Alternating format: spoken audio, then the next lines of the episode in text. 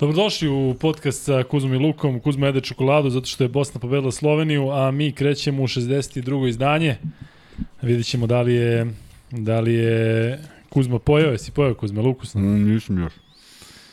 Dobro, moramo da napravimo neku novu opkladu. Uh, pa ne da ja klanim se prođem. više, sam ti rekao da se ne klanim više. Da, rekao si. Tako da znate da smo juče pričali o tome da Kuzma dobije silnu neku čokoladu ako, ako Bosna pobedi i pobedila je, tako da, eto, to je Opa, to. počeli smo. Da, pa ne, ne može, ne radi miš, ne radi ovo, ne radi ništa, mislim, ja. How do you like to start again? Ajde, počet ćemo again. E, 62. izdanje, težak dan e, na... Da li je, da li je Kuzma pojao, jesi pojao Kuzma Lukus? Samo se nerviraj. Pa ne, evo, ne znam šta da radim. Smirit će se. Evo, stao. E, hoćeš miš? Nek, ne treba. Ajde, polako. Ajmo, nastavljamo. Ajde, počni ti, priči ti. A, 62. izdanje u jednom od najuzbudljivijih dana na ovom prvenstvu. Neverovatne utakmice, neverovatno uzbudljivo.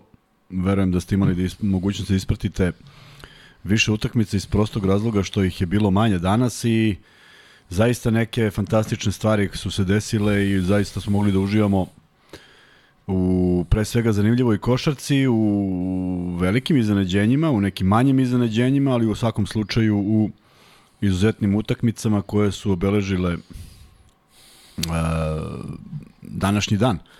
Uh, treći po redu, četvrti po redu od početka evropskog, evropskog prvenstva i uh, Luka je sredio, ovaj, možda i nije sredio Miša, ali nadam se da jeste, pa ćemo pričati od samog početka. Uh, jedna velika pobeda Crne Gore, tako je otvoren dan protiv, protiv Bugarske. protiv Bugarske u jednoj dosta tesnoj utakmici u kojoj je jedino iznenađenje meni nije predstavljala žilavost uh, bugarske ekipe, niti kvalitet crnogorske, nego jednostavno, ne znam da li ćeš se složiti sa mnom, ali mi je bilo iznenađenje mm, loša odbrana crnogorske ekipe nad Vezenkovim, nad najiskusnijim igračem bugarske reprezentacije, nad čovekom koji imao fantastičan procenat šuta, koji je ponovo o, o najbolji strelac, posle 22 puta po 27 poena dao je jednom 26, ali sa Di Bostom to čini 27, pošto je ovaj uspeo da postigre okruglo 1 i tu možda negde leži razlog uh, tog poraza, s obzirom da Vezenkov nije mogao sam, ali s druge strane mi je baš bilo interesantno da crnogorski reprezentativci jednostavno nisu, nisu, nisu obratili pažnju na njega više, uh, da bude neko na njemu, da prosto ga ne puštaju, jer on je neko ko zaista donosi prevagu u svojoj ekipi i ako je neko zavisi od, od jednog igrača, to je definitivno ekipa Bugarske, a s druge strane izuzetno mudra igra Dubljevića, izuzetno dobra igra Perija, Mihajlović koji mi se sve više dopada, on zaista sa velikim samopouzdanjem igra ovo prvenstvo i najbolji je strelac svoje ekipe na večerašnjoj utak, na jut, današnjoj utakmici. Tako da sve čestitke Crnogorcima koji su kako su pobedili tu utakmicu misli da su napravili ogroman korak, a onda su se desili drugi rezultati koji naravno ne umanjuju pobedu Crne Gore, nego opet otvaraju mnogo toga do kraja, jer ta grupa ima još dve utakmice, dakle na pola put, malo više od pola puta. Da, prosto nevjerovatan dan i kada je počelo tim uh, triumfom Crne Gore protiv Bugarske, mislili smo da eto, lepo je to počelo, jedna dobra utakmica, pa i neizvesna. Međutim, ono što smo videli u nastavku dana, praktično svim mečima je prosto nevjerovatno i to čini ovaj e, dan zaista posebnim. Ajde da idemo redom generalno ideje i to ćemo i raditi, pričat ćemo najviše o Finskoj i onome što čeka Srbiju, ali moramo zaista dobar deo ovog podcasta da posvetimo uh, svemu što se desa, dešavalo posle te pobede Crne Gore protiv Bugarske. Je li ima još nešto što se tiče tog meča da si video što se tiče Crne Gore, da je recimo Bugarska možda uh, tu i premašila očekivanja nakon svega što Moguće, smo videli u prethodna da, dva da, dana. da. Crna Gora je definitivno bila favorit u tom meču, ali pokazali su neke onako uh, ozbiljne padove u igri. Yes. Jednostavno, neko mi se čini da je Bugarska tim koji dozvoljava sebi da prima veliki broj poena, a da opet i u toj igri su imali šansu protiv favorizovane Crne Gore. Jeste, imali su šansu i, i, i moglo je da se desi da iskoriste, međutim, mnogo drugačije završnice ove utakmice u konkretnom odnosu na utakmicu protiv Turske. mnogo staloženiji, mnogo smireniji, mnogo bolja rešenja, e, četiri izuzetno raspoložene igrača, mislim da su i Peri, i Mihajlović, i Dubljević, i fali mi Drobnjak, i Drobnjak u ozbiljnim poenima, 17, 17, 23 i tako dalje. E, a mislim da je neko ko je, ko iz prikrajka sve to o, o, začinio, je bio Radović sa šest skokova u napadu i to u kraju, na kraju utakmice kada je potreban i fokus i snaga, uspeo da skine loptu, jer nemaju Bugari čime da, čime da se suprotstave, ali svaki skok u napadu je jedna velika želja, pre svega, ne, ne samo dobro pozicioniranje, tako da su uspeli da kompenzuju neke neke momente kada su oni utrkivali sa Bugarima, kao što gledamo na ovom prvenstvu, kao što su Italijani i Grci u jednom trenutku, je tako su ovde uh, E, Crna Gora i Bugarska razmenjivali samo rafalnu paljbu iza linije za 3 poena i u jednom momentu kada je to došlo do igrača koji nisu baš toliko verzirani u bugarskoj reprezentaciji, kada se malo pažnje obratila na Vezenkova i kada je morao da doda što je preduslov da bi ako ništa drugo smanjio rizik od šuta za 3 poena, e, nisu uspeli da pogode i Crna Gora, kažem, zasluženo pobeđuje i onda u tom trenutku to zaista deluje fenomenalno jer je Crna Gora na 2-1 i nada se nekom raspletu koji bi više odgovarao Crnoj Gori nego ovo što se sve izdešavalo posle, ali ajde idemo redom. Tako da mogu da budu zadovoljni, samo ne treba sad da, da, da razmišljaju o tome, eh, da je savladana Turska 3-0, nije to baš tako. Dešavali se, dešavaju se usponi i padovi u narednim utakmicama, ja mislim da ih je taj poraz podstakao da igraju maksimalno fokusirano i možda, možda nam je neočekivano da je Bugarska bila u egalu, a s druge strane možda je tu dovoljno tih 5 7 5 do 7 minuta dobre dobre igre da se pre svega ostvari pobeda. Niko neće pamtiti igru, ali ono što je bitno jeste da je Crna Gora sada jedan od lidera na tabeli. Potpuni haos u toj grupi, dakle da. Španija, Turska, Crna Gora i Belgija imaju 2-1. Tako je. Gruzija ima 1-2 i to nakon pobede protiv Turske, doćemo i do tog meča i Bugarska je prežanjena sa 0-3, tako da će verovatno u ovoj grupi biti E, interesantno kao u onoj grupi B gde su Nemačka, Slovenija, Bosna, Francuska i Litvanija, ali ajde idemo korak po korak. Ko još igra s Bugarskom? Igrali su Crnogorci, igrali su Španci i igrali su... Da, dakle, e, njih je pobedila Turska. Tako je.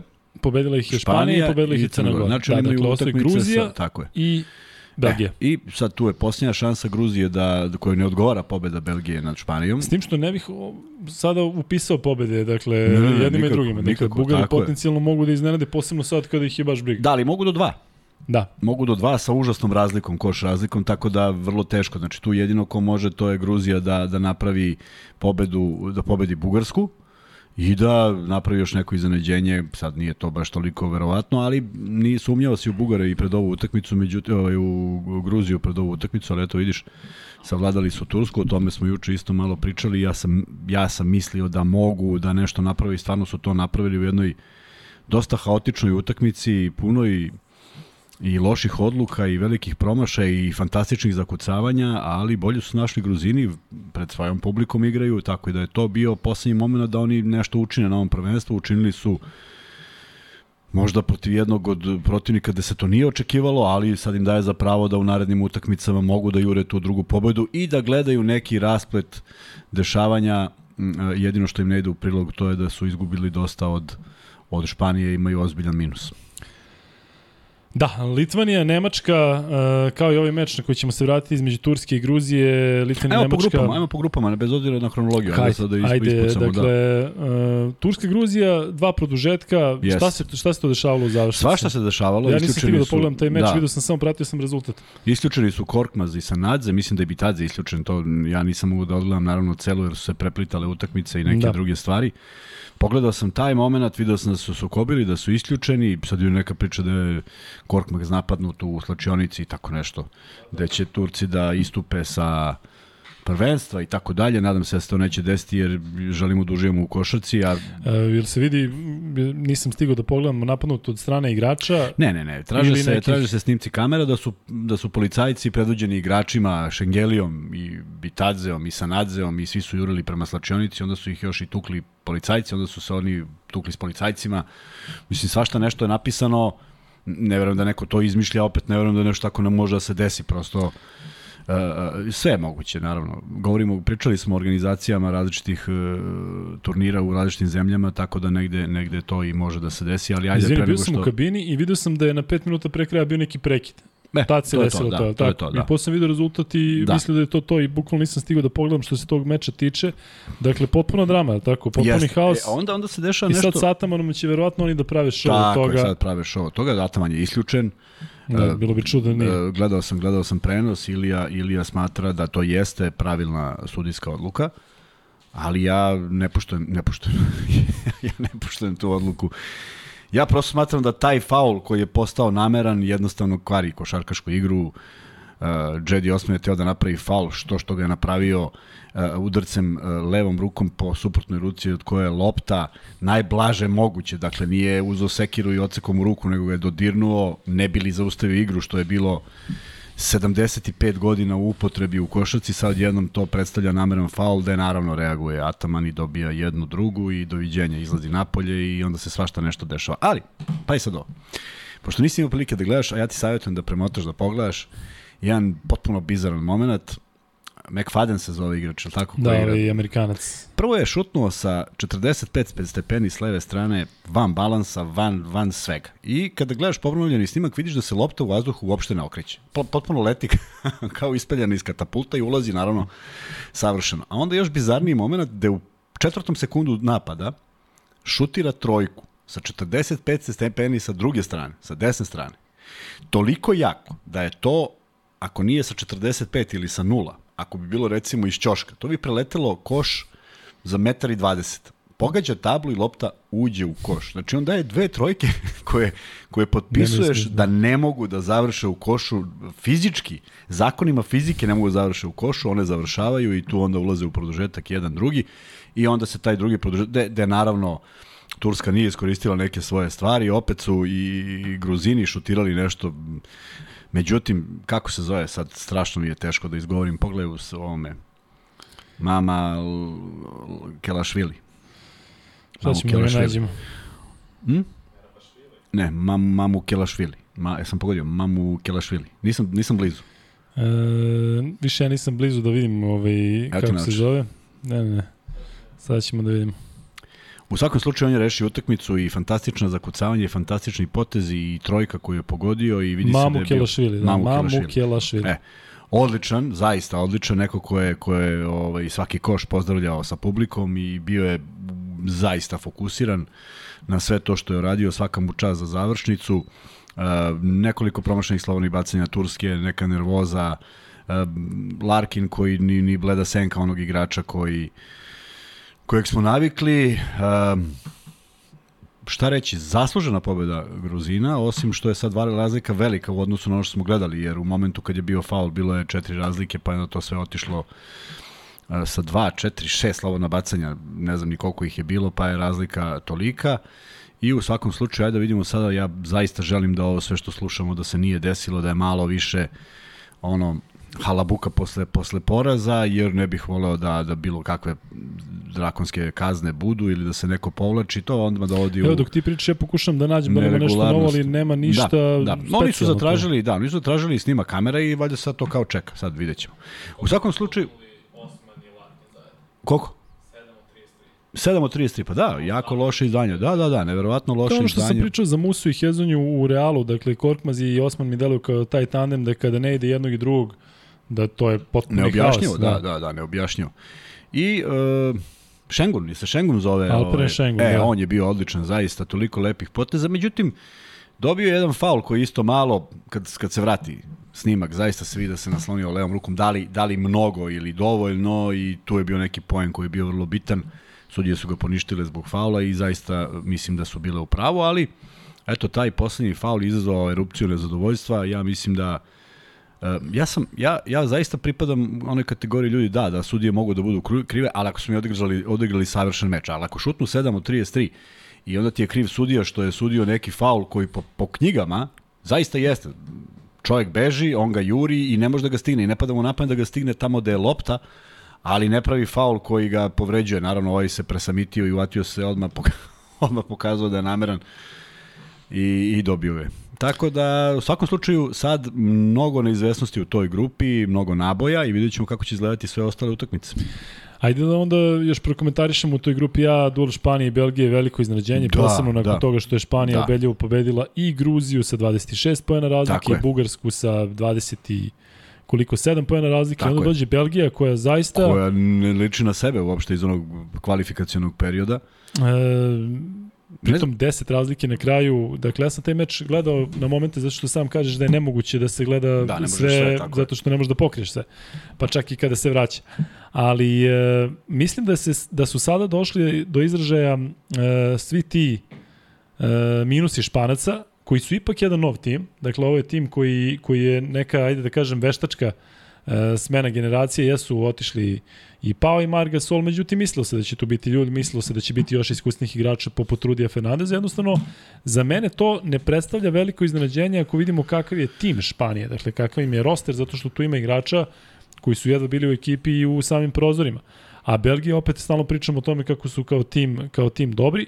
I mislim da je ovo u stvari potvrda da na ovom evropskom prvenstvu zaista svako može da pobedi svakog. Tako izgleda, tako izgleda, bez obzira smo mislili da kad smo juče komentarisali da, da posle dva izdanja Belgije i posle dva izdanja Španije to nije moguće, međutim jedna bezidejnost potpuno u zadnjih četiri minuta ne mogu ti objasnim kako je to izgledalo, kao da gledaš neke momke koji su se okupili, da ne budem prestog, da neko ne misli da, da, da ja nešto pretrano pametujem, neka pogleda snimak, prosto sve su neki napadi koji nemaju, nemaju tečnost, nemaju protok lopte, nema ideja gde ide lopta, nego svako kako nekom padne na pamet da završi, tako završi, a s druge strane Belgijanci ipak u nekom onom sastavu u kojem se poznaju, pa svako radi to što treba da radi. Tako da, e, neko je, neko mi je, neko je prokomentarisao, videli su na koga mogu da nalete, pa su izgubili.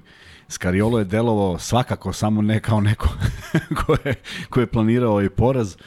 E, bez obzira ko će biti u drugoj grupi na četvrtom mestu, e, ja mislim da je uvek bolje startovati sa najviše moguće pozicije, a ne sad gledati da li će Litvanija da se proš, ušunja na, na to četvrto mesto pa da bude najnezgodniji protivnik. Prema tome, treba da pogledaju svoju igru i kažem, tu za posljednju četvrtinu koja je daleko od, e, e, od pokazatelja da Španija može mnogo. A kroz te dve utakmice koje su pobedili, znaš, posle, protiv Bugarske nije merodavno. Nije, nije nešto što, što daje neku, neku, neku snagu jedne ekipe. A, a da bi dopunio ovo sve tim, kad pričamo, na primjer, o Srbiji i poredim sa Španijom, znaš koliko drugačije izgledamo? Koliko, i kad promašimo znamo šta smo hteli. Ovde sve deluje da se oni tek upoznaju, što je vrlo moguće, jer ipak je sastavljen tim iz e, mnogo, mnogo igrača koji su novi i Lorenzo Brown je potpuno nov. Da, on na sve to još dođe svoju, kao... Da, i dođe sa nekim svojim driblinzima koji ne, ne, ne čine ništa, znači tapka, tapka, tapka, Pritom, tapka. Pritom ova braća i... Helen Gomez, koliko god ja gotivio ovog malog Huanća, dakle oni su prilično nesigurni.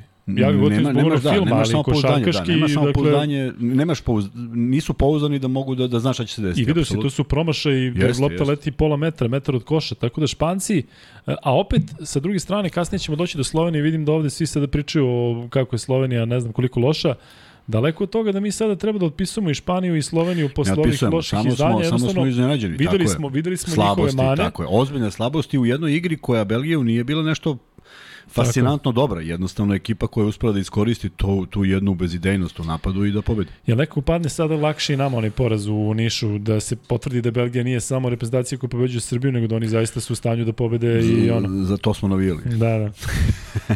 e, toliko u grupi A gde će zaista biti haos. E, ostale su, ajde samo reći koje su utakmice ostale. E, e, e Ovako, e, narodno kolo misliš? Da. Dakle, narodno kolo, konkretno, Španija, Crna Gora, To je sad derbi, 2-1, 2-1, je li tako? Belgija, Turska. 2-1, 2-1. I onda imamo taj meč Gruzije i Bugarske gde je. Gruzija naravno Tako je, znači imamo dva derbija, 2-1, 2-1 i tu ko pobedi odlazi, odlazi sigurno u i Gruzija ako dođe do 2-2, onda može da ugrozi ove u panika za ove da. u porazima, da. Biće jako interesantno jest, i jest. i dobro je što je interesantno, znaš, mnogo je bilo glupo da su grupe Jest, jest. očišćene tek već na početku u trećoj utakmici. Dolazimo do te grupe B gde je bio još veći haos i to je ono što kažem, dakle, vidi šta se desilo sa tim iznenađenjem i sa tim nekim e, dvostrukim produžecima i onda dođeš do grupe B gde je bio još veći haos. Hoćeš da, od kog meča hoćeš da krenemo? Od da prvog krenemo? vremenskog. Ajde, sad se vraćamo na vremenski. Ja? Da. Litvanija, Nemačka 107-109 posle dva produžetka. Uh, tada su napisali da je to bila, mnogi su tako prokomentarisali, Vidim po, po portalima da je to bila najbolja utakmica do sada. Onda je došla, onda je došla sledeća. I onda je došla u istoj toj grupi sledeća. Tako je. Dakle, um, ja ne znam odakle da počnemo, šta da kažemo. Ono je realno haotična, haotična košarka potpuno, koju ti generalno ne voliš. Nije što je ne volim, nije, nije sad to stvar, dakle sad ne govorimo, ja sam spomenuo juče, danas smo imali studio na sport klubu, ja sam rekao da Slovenija igra možda najlepšu košarku. I sad verovatno će neko ko nas sluša u ovom podcastu pita kako ja mislim da je igra najlepšu košarku. Zato što odgovara fizionomije ekipe. Ne može da igraju drugo, ne treba da igraju drugačije. Oni mogu da igraju tako i kad to ide, to izgleda fantastično. A danas smo videli kako izgleda kad nije fantastično jer, jer je mnogo drugačije bilo. Pazi, 30 poena su dali oni u prvoj četvrtini, pa su u narednih 30. I delovalo da je to njihovo. I delovalo da je to to, tako je. Prema tome, zato ne volim, jer, jer e, mislim da na duže staze prosto zamaraš se u takvoj igri. Nije jednostavno igrati na tom nivou. Uh, Utakmica Litvanija-Nemačka je krenula u kontrasmeru za Litvance koji su dve utakmice vodili pa izgubili. A sada sam negde prokomentarisao da će možda baš to što gube na poluvremenu da, da preokrenu. I Pravo je čudo kako nisu pobedili, da se razumemo. Bez obzira što je bilo minus 5 u momentu kada Valančunas ima slobodno bacanje. Minus 5. Oni su napravili 9-0 u narednih minut i po sa produžetkom. Prvo je Valančunas pogodio jedno, drugo promašio skok u napadu koš i onda izjednačuju i onda čak imaju i šut za pobedu koji ne prolazi. U produžetku samo iz činjenice da ni Okubaitis, ni Grigonis nisu klasični playmakeri. To je izbor neverovatan. Ako, ako, ako Grigonis ostane sa Foytman u 1 na 1 i šutne trojku, ja ne znam šta treba da se desi da bi on prodro, a svi su ne u bonusu, nego, nego, nego više niko nema snage da stoji. Prvi kontakt će neko svirati faul. Sve su bacili na 3, iako je opet, na, ne opet, iako je najbolji igrač ovog susreta koji je držao rezultat bio Valančunas.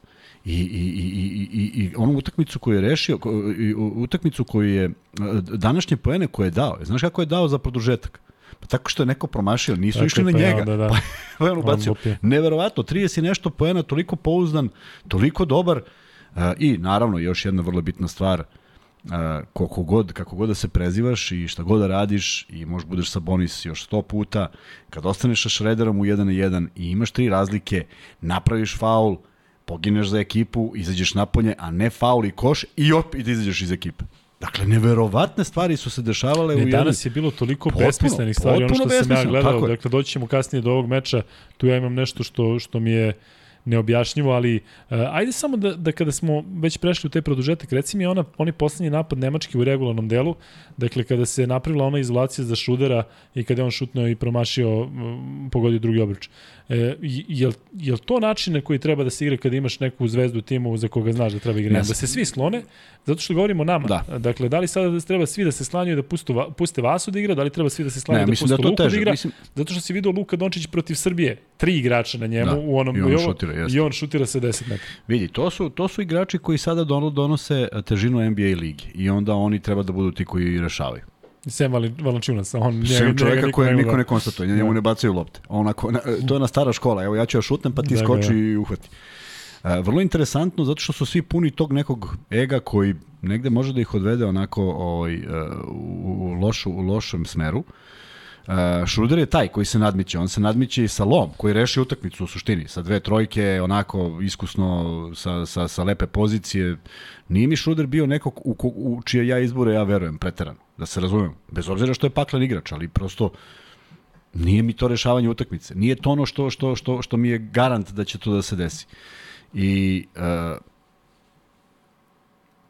ja i dalje prebacujem. Ja bi uvek izvuko dvojicu pa da odigraju nešto nešto pametno, a imaju mozga, konkretno Vasa i Jokić, imaju dovoljno Da, mislim da smo mi tu najbolja kombinacija ta dva superstara. Ovo je, ovo je sve bilo, znaš, da niko je... nema tako nekoga gde ili ili, znaš, nego čak, čak i da imaju, čak i da imaju opredelili se za ovo, što e, vidi Grigonis i Jakub, Jakubaitis i oni su izlačili u nekoj igri 1 na 1. Pa ako se izvuko višeg, Foytman je sve poznat samo ne kao dobar odbranjeni igrač, da se razumemo čak i sa višim igračima ima problema. Zamisli sa nekim bržim igračem, pa kako je moguće da ti je izbor da šutneš preko čovjeka koji je skočio i čak nije bio toliko daleko.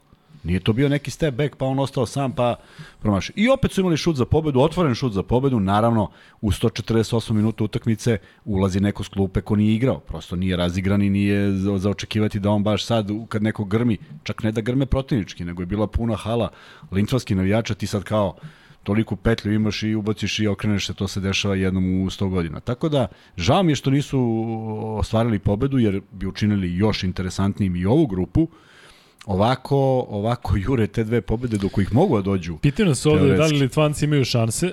I imaju šanse, oni da. imaju šanse. Naravno. Dakle, oni odi, i treba da igraju još dva meča, dakle oni imaju poraze od Tri, Nemačke, tri. Francuske i Slovenije I i, sad je ključna utakmica. Mađarske i, I sad je Bosne. ključna utakmica, posljednja utakmica je ključna, Bosna, Bosna Litvani. To odlučuje ako Bosna ne napravi još, ne mogu kažem još jedno iznenađenje. Ja zaista mislim da su oni uh, uh, danas pokazali više od, od, od, od uobičajenog u jednoj staloženosti, u smilosti, u dobrim rešenjima i u jednom Robertsonu. Neko mi je napisao na na ovome na Instagramu kaže autoritet dana je Robertson. Stvarno je odigrao čovjek i pogodio Jeste. kad god je trebalo. Prosto on on u dve utakmice nije imao toliko fokusiran uh, fokusiranu igru i u takav učinak da zaista zaseni Musu i Nurkića. Pitali su zašto Nurkić igra s polja.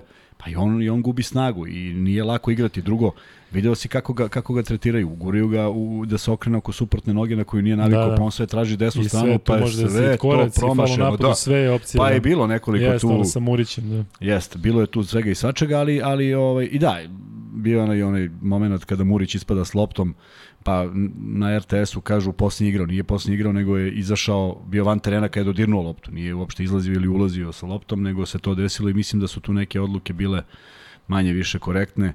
Opet neverovatna stvar na Dragiću, da nekom ispane lopta Dragić da koš. Znaš, prosto toliko se Bos, Bosni dešavalo neverovatnih stvari i, i glupih nekih momenata i zato su zaista na kraju zaslužili tu pobedu, ali ovoga puta ne pričam samo o Musi i Nurkiću, Halilović beše momak zaista Kapitan. tako je zaista kon, vrlo konkretan, korektan.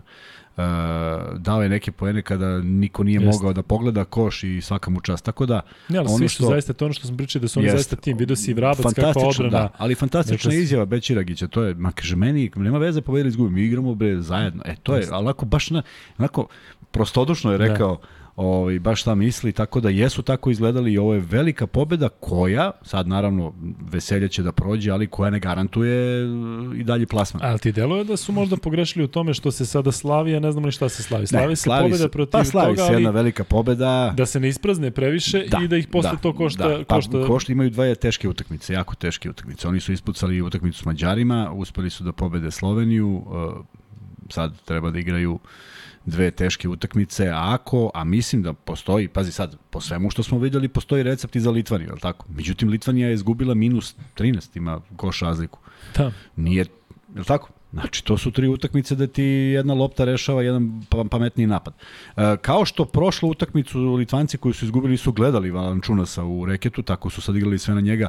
Šta je njima tu trebalo dođe iz nečega u glavu da, da, da shvate da treba da igraju tako, ne znam, i nije moje da znam, ali, ali mnogo lepša utakmica, mnogo opasniji, mnogo raznovrsniji i, i mislim da su imali da su imali pravog playmakera, ne mogu kažem Jasikvičiusa, ne mogu kažem tog profila, samo, samo da je dovoljno dobar, da je, da je profilisan kao playmaker.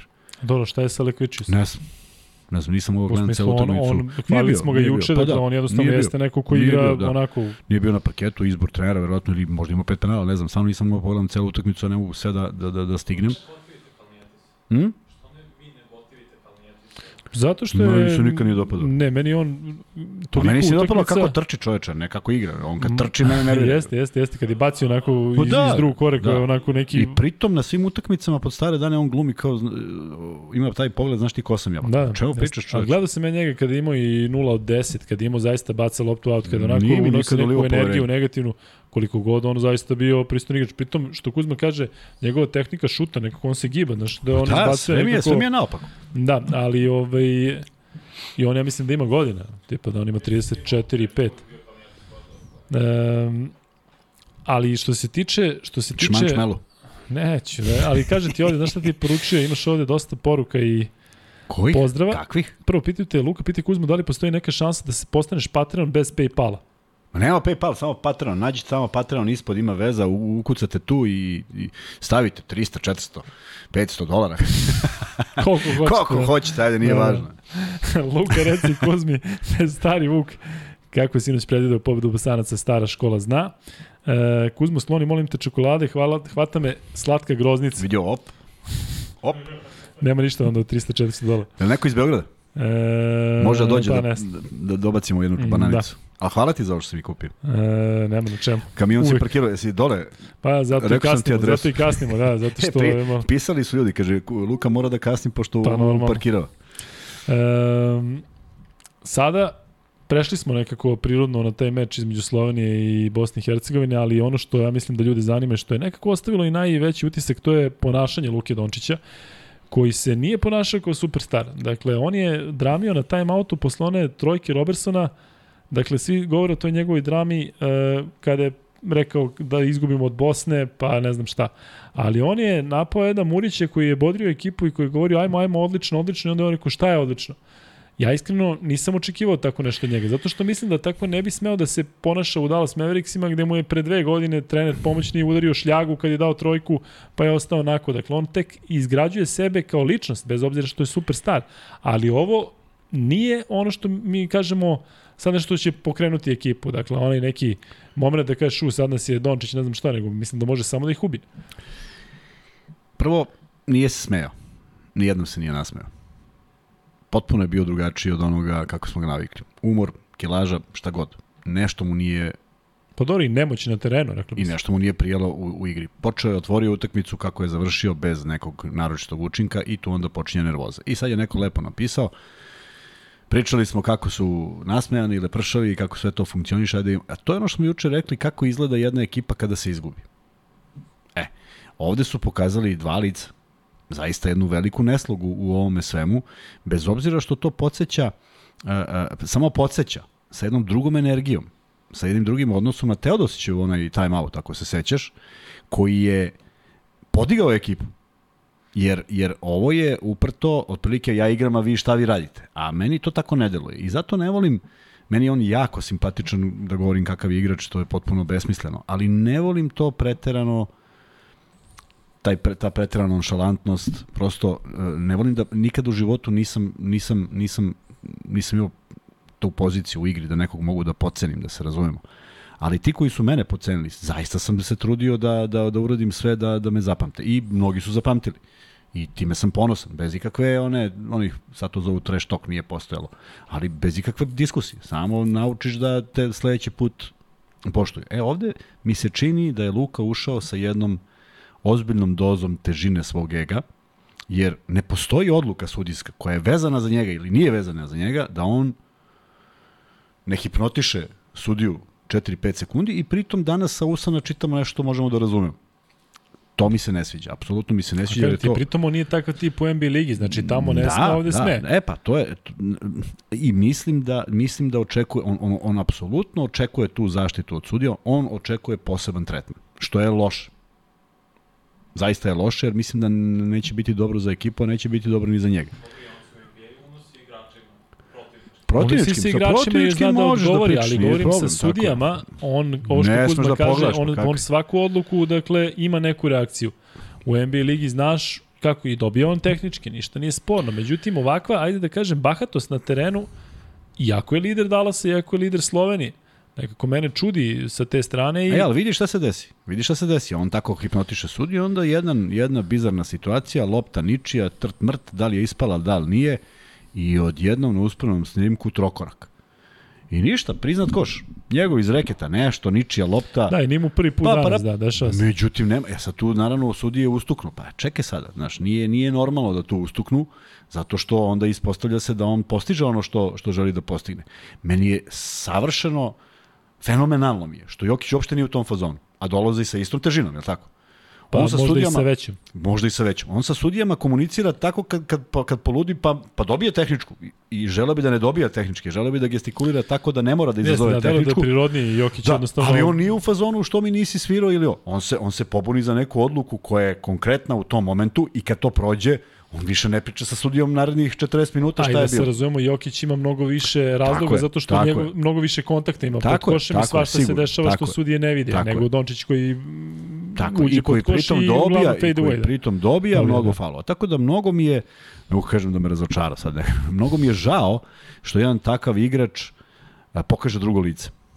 Meni je to onda, meni je krivo.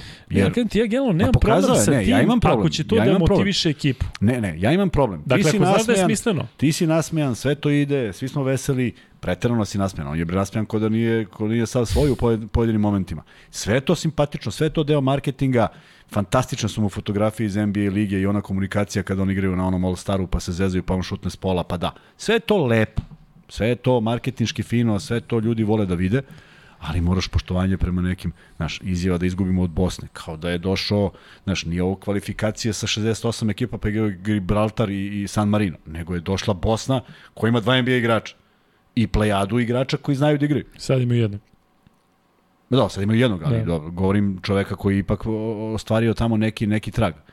Nije to, ne sme tako da se pocenjuje. Ne može da bude izgubimo od Bosne. Mogu da razumem za neku reprezentaciju da kažeš, da kažeš gubimo od Bugarske. Možeš, jer su Bugari 0-3, jer su izgubili sve utakmice, pa čak i tu moraš da imaš određen respekt prema tim ljudima. Prema tome nije mi se da, dopalo sve to. Da, Bosna pritom pobedila Francusku u ovim tako kvalifikacijama, tako je, pa da, pritom nisu... su ovde igrali sa, sa Naravno. Šta je tu čudno? Litvancima pobedili Mađare. Šta je tu čudno? Prema da. tome, ne volim to i žao mi je što je do toga došlo, zato što i, mi svi volimo da idealizujemo te ljude. Be, jeste on mnogo mlađi od mene, može da bude idol, naravno, jer imam 100 godina, ali može da bude neko koga volim da gledam. I volim da ga gledam, ali ovo ponašanje od početka prvenstva nisam teo da komentarišem zato što nekako ajde da, da, da, da ne potenciramo tako nešto, ali se videla sad jedna velika jedan veliki problem koji mislim da može da reši samo Zoran Dragić svojom smirenošću, svojim autoritetom. To će biti gore, na? Zoran, da, da, da, ne, Zoran, Zoran nikako, da, rešava, da, ne, znači... Zoran će da ih istambura, da, biće ih da. šest na terenu, izvini, Goran, ovaj, da reši nekim svojim autoritetom, opet jedna smirena igra, fantastično se ponaša, fantastično reaguje, onaj skok u napadu, da on sa 100 godina vadi onu loptu i i vraća je centru. Mislim, vidi se koliko želi i dalje da igra i koliko daje svoj neki maksimum. Tako da, lepo je bilo gledati utakmicu, lepo je bilo videti nepredavanje Bosne i Hercegovine, kad god je bilo potrebno, čak mi je fantastičan bio Jatić koji je završio, otvorio i završio utakmicu, jer ja ne znam kako se on izgubio ove godine. Od, od Igoke, gde je bio majestralan do budućnosti gde, gde, gde ga nismo prepoznali, napokon neke stvari uzeo u svoje ruke, naravno Musa i ovaj Nurkić odlični Nurkić ispod nekog svog igračkog nivoa, zašto i on u stanu u raspravi i sa gledalcima i sa da, protivnicima, sa svima, sa svima da. E, tako da odlična utakmica u, u, u danu koji je bio fantastičan. I... Izvini, ali deluje mi ono što je rekao neko od njih, e, mislim da je Halilović posle meča, da Bosna ima još prostora da igra bolje od ovoga. Dakle, to što ti kažeš, Nurkić je igrao slabo. Dakle, Nukić nije bio na svom nivou, na svom da nivou. kažem. Da, dakle, da, oni su da, pobedili da jednu bolje, Sloveniju, naravno, da. A nisu odigrali sad jedan meč, ono što kažeš, jedan yes. hiljadu, pa im je sve ulazilo i ne znam yes, šta. Što yes. ti kažeš, zaista su se vraćali, kada god Slovenija doda gas i delo da ih lomi, pa, pa, pa, oni se vrati i ne pada. I, vrate se smirali, ali Robertson je bio taj ključni, zaista. Jest. Jer on je u tim momentima, kad god je bila ta neka situacija, on je dao, mislim da je da je i Kamenjač nešto uradio kad je ušao, da je bio da je dono, uneo neverovatnu pozitivnu energiju. Gegić je bio sasvim solidan, iznudio neke stvari. E, sve to davalo jednu a, a, a, pokazali su jednu neverovatnu želju da pobede ovu utakmicu. I da li to možda i drži u, narad, u nastavku, ali mislio sam da, da je ovo zaista moment, zašto sam ti ovo juče rekao da mislim da Bosna možda pobedi. Ne zašto mislim da posjeduju veći kvalitet kada pogledamo unazad 10-15 utakmica i uopšte kvalitet e, Slovenije i Bosne, ali ta želja im je dala, dala motiv. Ta, to zajedništvo i činjenica da je Robertson odigrao fantastičnu utakmicu. Dakle, ovi svi su bili na svom nivou, ono što se od njih očekuje da vode ekipu, a ovaj je dodao to nešto što je nedostajalo i uz Halilovića apsolutno igrač igrač odluke. A i jela ti se čokolada i zato si rekao, priznaj, ja? A i zvao sam šećer. tamo, zvao sam, okrenuo sam dva broja i rekao sam da možemo dobro da zaradimo. Pao šećer i ajde Ništa kao Bosna će... danas nisam sve sam čekao večeras da... Ne, ali šal na stranu, Bosna i Hercegovina zaista iz njihovog ugla Slovenije je idealan tim da napraviš taj taj, pa taj neki preokret na svoj. Dakle, ne, znaš, kada ali, ali dolazi, dolazi kao treća, da, dolazi kao treća. Dolazi kao utakmica koja je sada ili ideš ovamo ili ideš ovamo. I oni sad imaju šanse da idu gore. A ova utakmica da je izgubljena, mnogo toga bi trebalo da se poklopi da bi da bi Bosanci razmišljali o, o drugom krugu. Ovako imaju velike šanse. Ajde da da se pozabavimo malo sa da tom pozabavimo. tom uh, matematikom za dalje. Nemačka 3:0. Slovenija 2-1, Bosna 2-1, Francuska 2-1, 0-3, Mađarska 0-3, uh, Litvanija. Tako je. I Litvance, kažemo, ne smemo da, da I Litvanija koja ima najveći raspored. Igra sa Mađarima. Ma, Mađarska i onda I derbi posljednje kolo koje odlučuje. Dakle, sve što, što, što, što, što Bosna razmišlja, to je ta utakmica. Zato što U sledećem kolu, dakle, šta, sam, šta smo rekli? Bosna, Bosna i igra protiv Francuske. Francuske. Da. Može se desi ponovo ono što su uradili. Ali ako se Francuzima dva puta to desi, stvarno su... Ne, Francuzi su danas bili tanki protiv Mađarske, baš. tanki, da. Baš, baš. E vidiš, to, to, je ono, to je ono što je za nervozu. Znaš kad pričaju da li mi pobeđujemo velikom razlikom, ovo je za nervozu. Kad ti gledaš da li je moguće da bude dva razlike na kraju i da imaš dva slavna bacanja, nesporno jača reprezentacija, nesporno, međutim ne igraju apsolutno ništa što, za što možda se uhvatiš i da konstatuješ u kako je bilo dobro, pa makar i u onom segmentu kako lepe akcije pa nisu pogodili. Ne, sve neka sila, sve neka serija, pa ovi prime, pa ne odigraju ništa u odbrani, vrlo, vrlo ne, ne, neshvatljivo. Pritom je si video onaj poslednji napad e, Mađarske, kada su gubili nije bio poslednji, ali je bilo kada su imali koš minusa i kada su onda, ja mislim, za Vojvodu napravili kada je šutnuo za tri, za, za, za vođstvo. I Gober hvata loptu. I centar, pored njega, na 18 sekundi pre kraja, prolazi lagano, ide u odbranu, dakle, neshvatljive ne, stvari. Da, da pritom da, ti je idealan glavu, Gober, pa da, da, pritom je na kraju ispalo dobro za njih zato što je LBC promašio da, oba slova na bacanje, što je tek je, da. Ali Gober hvata loptu kako nemaš osjećaj da je, da je ugašen sat Tako je. i da treba da ga udariš da i sve snage. Tu... I on, kažemo ovo što Kuzma voli da kaže, ko može da vrati, nek vrati. Dakle, centar Mađarske gleda i prolazi pored njega i ide u odbranu i ne znam šta će da radi. Doš čovjek iz NBA, pa da nije glupo da ga udara. Kažem ti, idealno ti je. Gober onakav kakav jeste, Ponovo pritom će da bude pritisak sa tribina. Tako da, e, iznervirao sam se u tom trenutku. Dešavaju se takve stvari da, da, da što ti kažeš, da se Dešavalo pitaš, se i nama. Da se pitaš, da pitaš ko igra ovo. Da, da se pitaš kako, kako zašto na ovom nivou takve stvari se da. dešavaju. E, a opet ću ispričati onu anegdotu koju sam već pričao, ali zgodan je moment. Uh, protiv Pafa budućnost i odbija se lopta do Stojka Vrankovića koji je na 6 metara od koša. I mi vodimo pola koša i samo molimo Boga da Stojko bude taj na kojem će biti faul ili vodimo dva.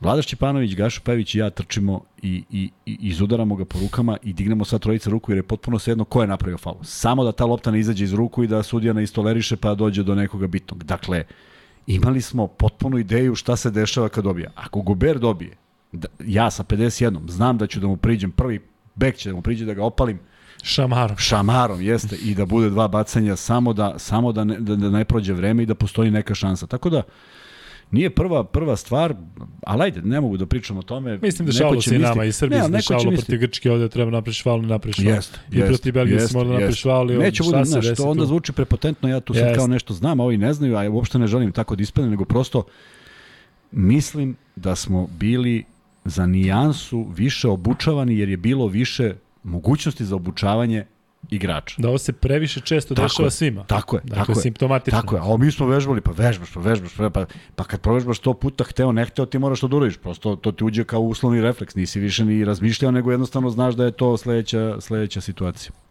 Um, Šta je ostalo? Nije ostalo ništa. Ostalo je da ako hoćeš još malo se zadržimo na toj francuskoj i mađarskoj, Neću, možemo da ne, da ispucamo... Nikako. Da ispucamo, ajde, ajde, free. Ali evo, idemo opet korak po korak. Bugarska Crna Gora, egal meč. I ne znam da li si vidio ono što sam ti poslao. Nisam vidio tehničku grešku, nisam mogao da vratim. Da. Znači, faul, uh, tehnička za flop Mihajlovića. Čovjek ulazi ramenom u njega i ovaj sada pada, niti je ne znam šta iscenirao i dobija tehničku, u kažem ti, bitnom trenutku. Ja sam u trenutku samo vidio da on raspada studijom, ali nisam još šta se Ma, desi. Nisam, stigao, nisam setio posle da pogledam. Litvanija, Nemačka, dva produžetka, Belgija, Španija, pobeda Belgije, Bosna i Hercegovina ludilo i još jedno iznenađenje. Gruzija pobeđuje Tursku i Francuska igra egal sa Mađarskom, samo još ostalo da Mađarska pobedi Francusku pa da ovo bude da, još, da, još, da, još luđi dan. dan jeste. Ali hajde da ispucamo prvi free bet, ne znam da li ste spremni, da se vratimo na ovo što smo pričali u posljednjih, evo već 20 minuta, pola sata. E, pitanje za free bet je koliko je na današnjim utakmicama na Eurobasketu ukupno bilo produžetaka. I ko prvi odgovori, dobit će dakle free bet e, max beta od 1000 dinara. Ima ovde Kuzma par pitanja. E, prvo Vanja pita nas, momak, kad dobijete opciju za članstvo na YouTube-u? A šta znači to? Nam predstavaš da?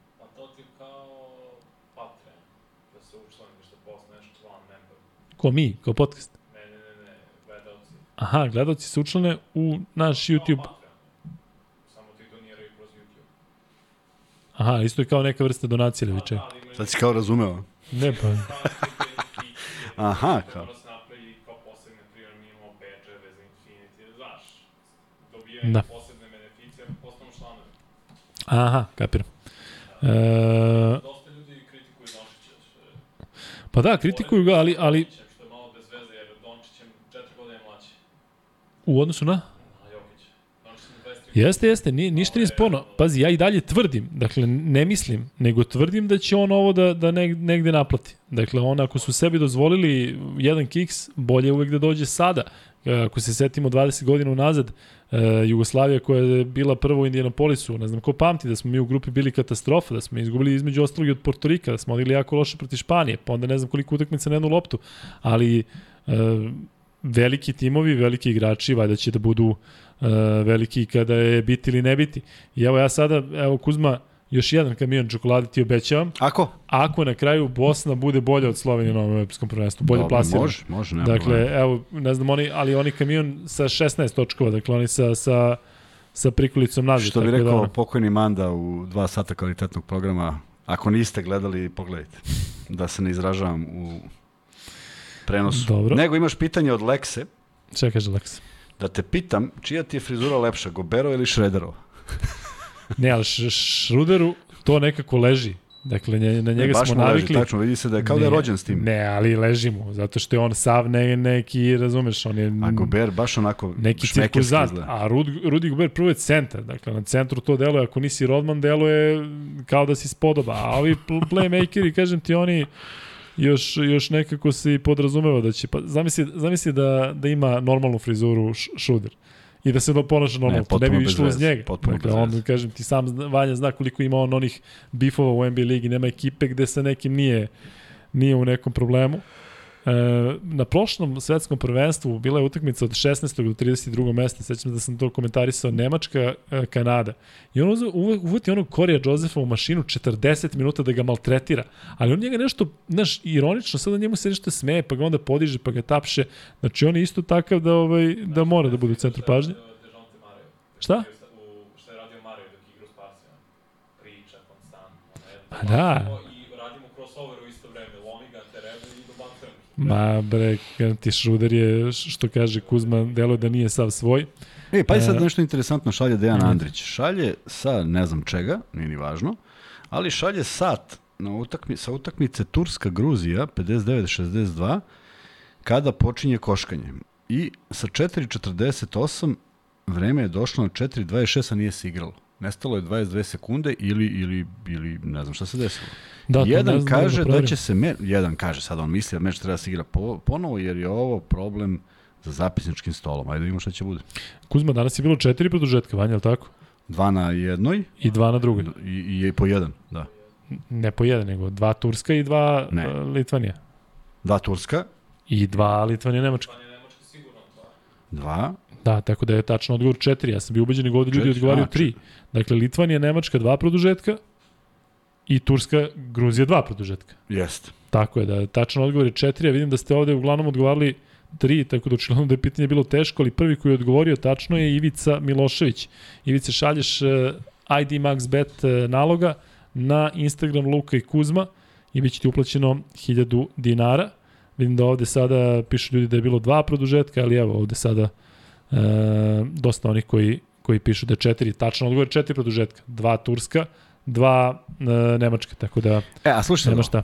Još šest stavio Nebojša Milutinović. Može sad ovo. Vladan Kuzmanović šest. Ili ima neko da, da Moj iz tvoje rođak. familije da, da, Nema, samo se familija javlja. da bili su u fazonu kao Vojkana, ajde ti si dobio pre neki dan, Ajde da stavimo. Vladu, ajde Vlada m, da pegla. Kaži. A pa sad ovo. Piše nam Veljko Ilić. Kaže, pozdrav Kuzma, izvini na ovoj dužoj poruci, moja sestričina mi je pre sat vremena pisala pesmu. Češ da čuješ? Ajde. Luka i Kuzma to je pravi tim, svako ko ih sluša složit će se s tim. O košarci znaju više nego iko, kad ih uja sluša ne dira ga niko. Volim kako pričaju ljubazno i milo, da se više smeju bolje bi još bilo. Još više. Ne znam zašto počinju kad treba da se sanja i stalno se pitam da li je taj Vanja. Volim svoga uju, a on voli njih i zato ću im napisati još i ovaj stih. Uja ujutru radi i to treba da znate i zato malo skratite ako Boga znate. Carski. Nina, 10 godina. Svaka Ma čast. daj, Nina. Da, 10 da, godina. da. Evo, Veljko Ilić poslao, kaže sestričina Nina i mi se zahvaljujemo Nini i mislim da ćemo napravimo nešto. Napravit ćemo nešto. objavit ćemo pesmicu na... Napravit ćemo sigurno na- nešto za ovo, zato što je fenomenalno i šaljivo i lepo i zaista I ako, ako, se, smisleno. ako mene neko pita za nagradu neku. Da, da. Ali ovako objektivno. Samo ne možemo ni da damo free bet, to ne znam, Nina, zakon. prijavi se za da, free bet. Da. Ali može, može onaj, da dobije onaj, jackpot. Pethor kaže, Luka, moraš kod crke na obuku o svim mogućnostima doniranja podcasta. Kuzma, šta imamo u planu sutra? Šta ima u planu sutra? Pa šta smo dogovarali prepodne? Kako provodimo prepodne? Kada Imamo kolegijum. dva sata. Imamo kolegijum, da. O, Tako da se vidimo sa Srkijem i ovo će biti jedno od pitanje Srki, e, kako, kako da se obučimo? E, e, a slušaj Dejan Tiganj. mm, dobro. Dejan Tiganj, Dejan Inter. Kaže, Kuzmo, znaš li da je Dubljević danas šutnuo svoje prvo slovno bacanje na evropskom prvenstvu? Znate već. Neverovatno. Pa dobro, ni- nije toliko nevjerojatno šta, one prve dve utakmice čak nije dve, igrao. dve utakmice čoveče. Da. E, Ludilo. neko mi deluje da je rano da pređemo na Srbiju i da pređemo na ono što nas Ne, čeka čekaj samo sutra. pesmice, što je ima još jedna pesma. Još jedna pesma. Nema? Samo pesme stižu sad. Hm. E, E, ali baš je dobro. Baš, ba, malo pre sam samo video da je poslao Veljko, nisam je čitao i sad sam, sad sam iskoristio ovu pauzu između dve grupe da... I vidiš sad imamo recimo Da one pročitam. klipovi, šorce, to bi mogli da stavimo u šorce, a? Je tako? Je li, je li stalo ovo minut? Da li je stalo minut? Aha. Mogu ja i pesni, pesničke Ne, da recitujem. ali ti vidi da odsečeš jedan stih ako, ako ovaj, jednu strofu, ako, ako mora. Ali Evo, brzo da ću, brzo ću kao ono, ovaj, ako da, post, da postoji vašeg apotekara, kako ne, fizi, brzo terapeuta. Da, da.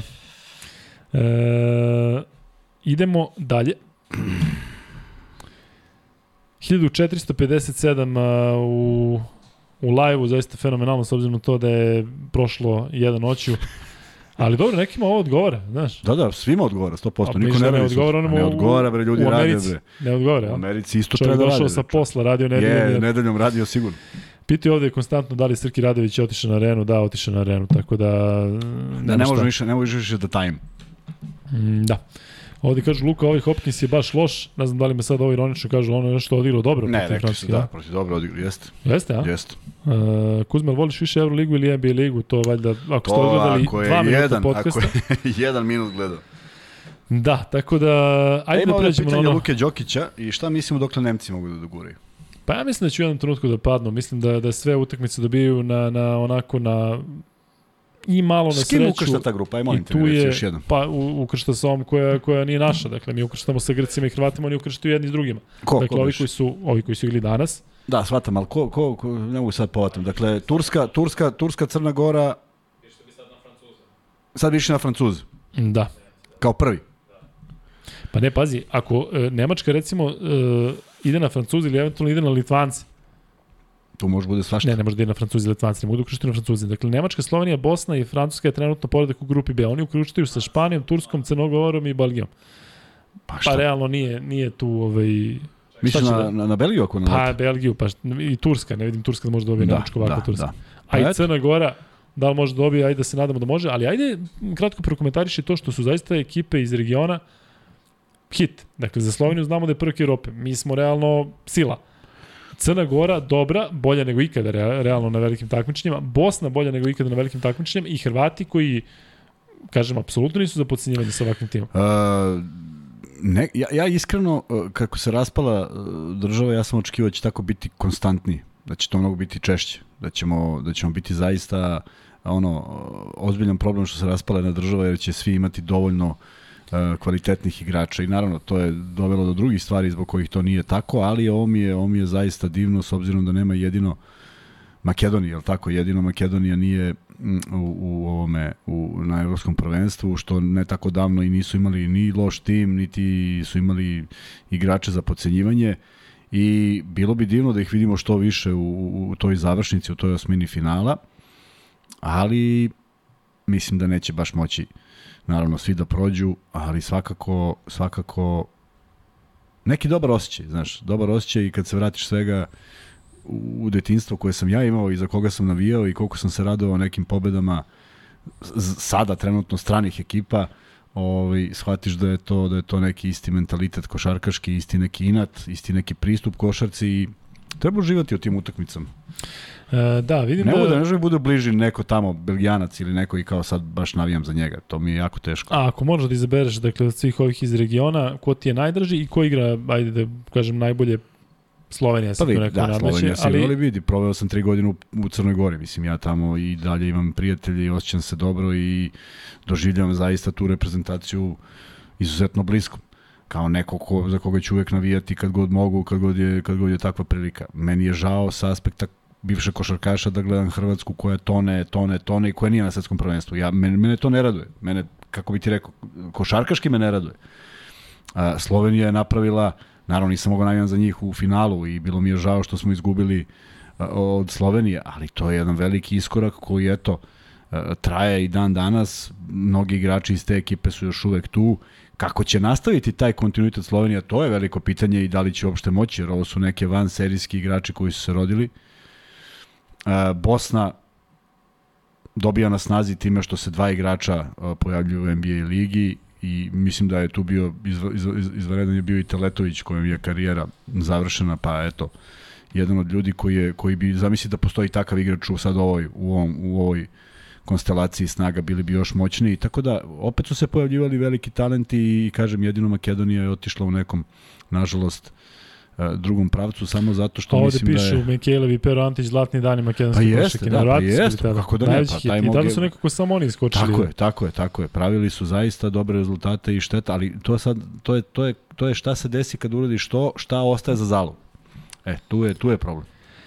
E, pročitat ću ovaj komentar zato što se sa njim slažem, zato što ovde ljudi dosta postavljaju pitanje šta dalje sa Slovenijom. E, Toni Čalić ili Calić kaže, ma Slovenija će se pregrupisati i opet dobro proći, ovo je samo bio loš dan. Ja apsolutno mislim da je upravo. Dakle, meni je Slovenija i dalje prvi favorit pored nas za osvajanje zlata. I ja bih volao da ih pobedimo u finalu, ako se sastavimo u finalu, ali ljudi, nemojte da smo neozbiljni da sada otpisujemo Sloveniju. Ja zato i pitam Kuzmu e, kako ovakav stav Dončića i ovo što se desilo u ekipi može da utiče na, na nastavak prvenstva, ali govorimo o, o aktualnom evropskom prvaku, govorimo o ekipi koja je bila u četiri u, u, i na jednu loptu izgubila meč polufinala na olimpijskim igrama, tako da neozbiljno je sada njih e, ne shvatati, ne shvatati i dalje kao jednog od favorita.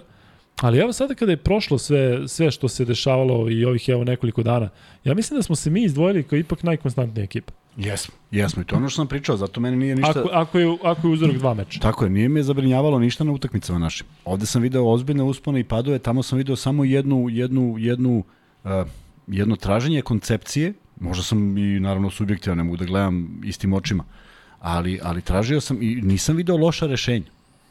Nisam video da mi smeta kada je Gudurić na poziciji 1 ili kada uh, Vase nema u ekipi ili kada je Ristić u ekipi. Dakle, jeste tu bila neka pauza u nekoj ubitačnosti, pa dobro, to je potpuno normalno, mislim, da, da zamisli da imamo šest, pet, pet i pet istih igrača i samo rotiraš, nije to baš tako. I neko, nekom prija više da igra s nekim drugim, neko sa nekim lakše se sporazumeva, ali mislim da smo uh, pokazali konstantnu formu i jedina smo ekipa koja nije do sada ušla u neku nervozu. Znači, ne možemo mi da se poredimo s dve pobede u Ukrajini. Ne možemo da se pobedimo sa ovima koji imaju 100% učinak. Ne možemo da se poredimo sa Izraelom koji je preživeo dve utakmice volšebno isto ima 2-0. Dakle, mi smo u tih 2-0 uz Nemce, eto, a mogu da kažem uz Nemce, pošto imaju još veći uzorak, pokazali najveću konstantu i mislim da mislim da samo tako treba da nastavimo. Da možeš da biraš, da li bi ovakva Srbija bila bolja u grupi smrti ili u ovakvoj grupi gde se podrazumeva da ćemo sve da dobijemo i to se čak i podrazumeva da ćemo dobiti Ej, lako. to kad je to kad je iz, kad, kad je ispalo, kad je kad je izašao raspored, da svi smo pričali o tome, čekaj, okej, ali šta nas čeka u razigravanju? Znaš, sad možda je bolje da je u razigravanju igramo protiv ove grupe. Ali to nikad ne znaš i nikad ne treba kalkulisati i razmišljati tako ako mi uđemo u formu koju mislim da možemo da uđemo i ako pokažemo to što mi imamo, uopšte ne vidim problem s kim ćemo mi to da igramo i protiv koga ćemo mi to da igramo. Prema tome, naročito ako neko startuje s četvrtog mesta, pa nije slučajno četvrti. To znači da postoje slabe tačke koje su bar dve ekipe iz grupe našle. Ne može bude četvrti sa 4-0, sa 4-1, može da bude samo četvrti sa 2-3. Ili da, sa 2-3, ne može ne može manje. Teško može da bude 1-4 da bude četvrti. E, šta misliš sada nakon e, svega o Musi? Jel si promenio malo mišljenje? Ma, ljudi, ja ne volim kad mi neko kaže, ja kažem, kad kažem da očekujemo od nekog više, to prosto očekujemo od nekog više. I odmah smo konstatovali da je udaren u, u glavu, u, u grkljan, da je već imao povredu i da, Da mu li je si već rekao bilo. da ne vidiš nešto? Pa ne vidim, ne vidim, eto, gledao sam te dve utakmice, nisam video.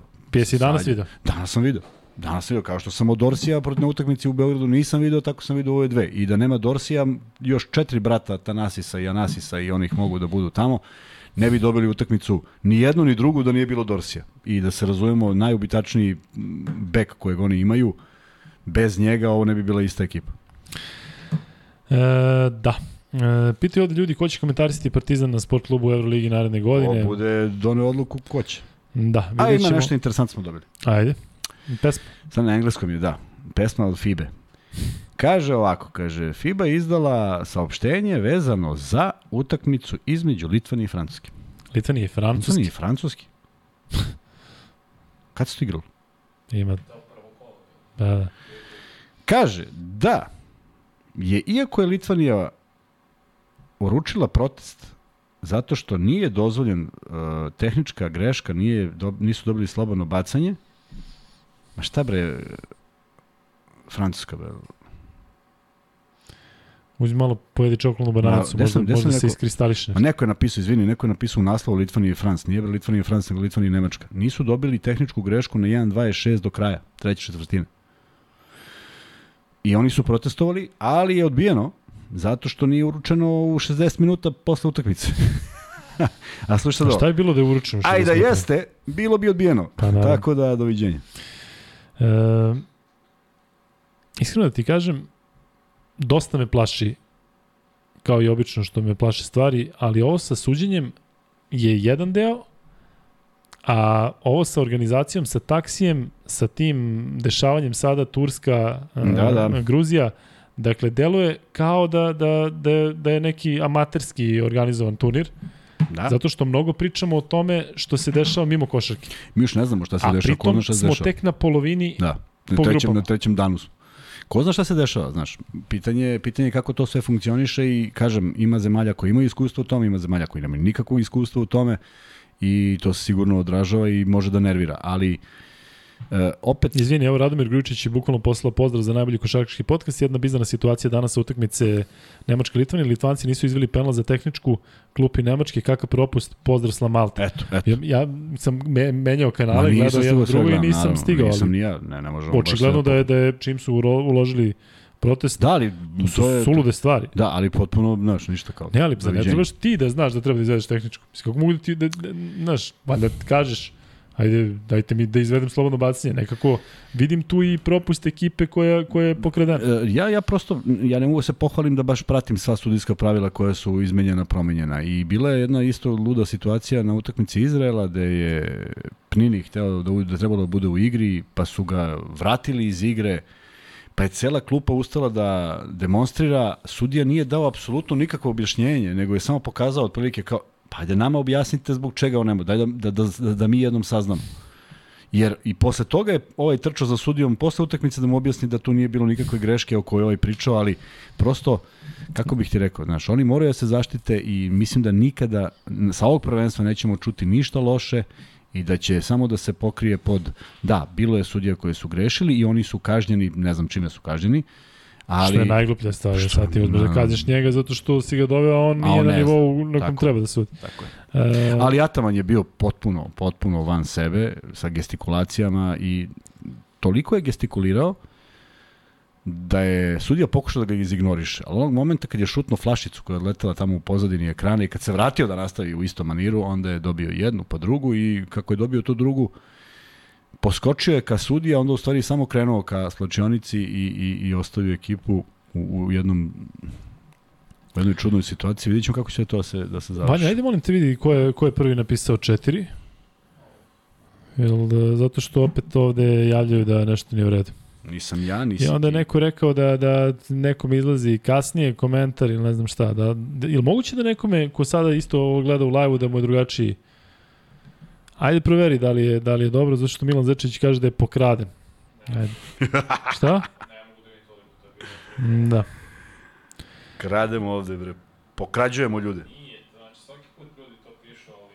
A što bismo mi nekoga, a kako bismo mi i zašto bismo mi to radili? Ne, pazi, možda se desi da ja ne vidim. Da ja sada vidim da je neko možda Ti napisao da ne četiri. vidiš, ja ne verujem da. Ali generalno... Ajde, iskoristimo dok smo još u pauzama među grupama. Ovaj, Pesma. bilo je jedno, jedno pesmo, jedna pesma, jedno pitanje Nemanje od juče, jer nisam ga juče pročitao.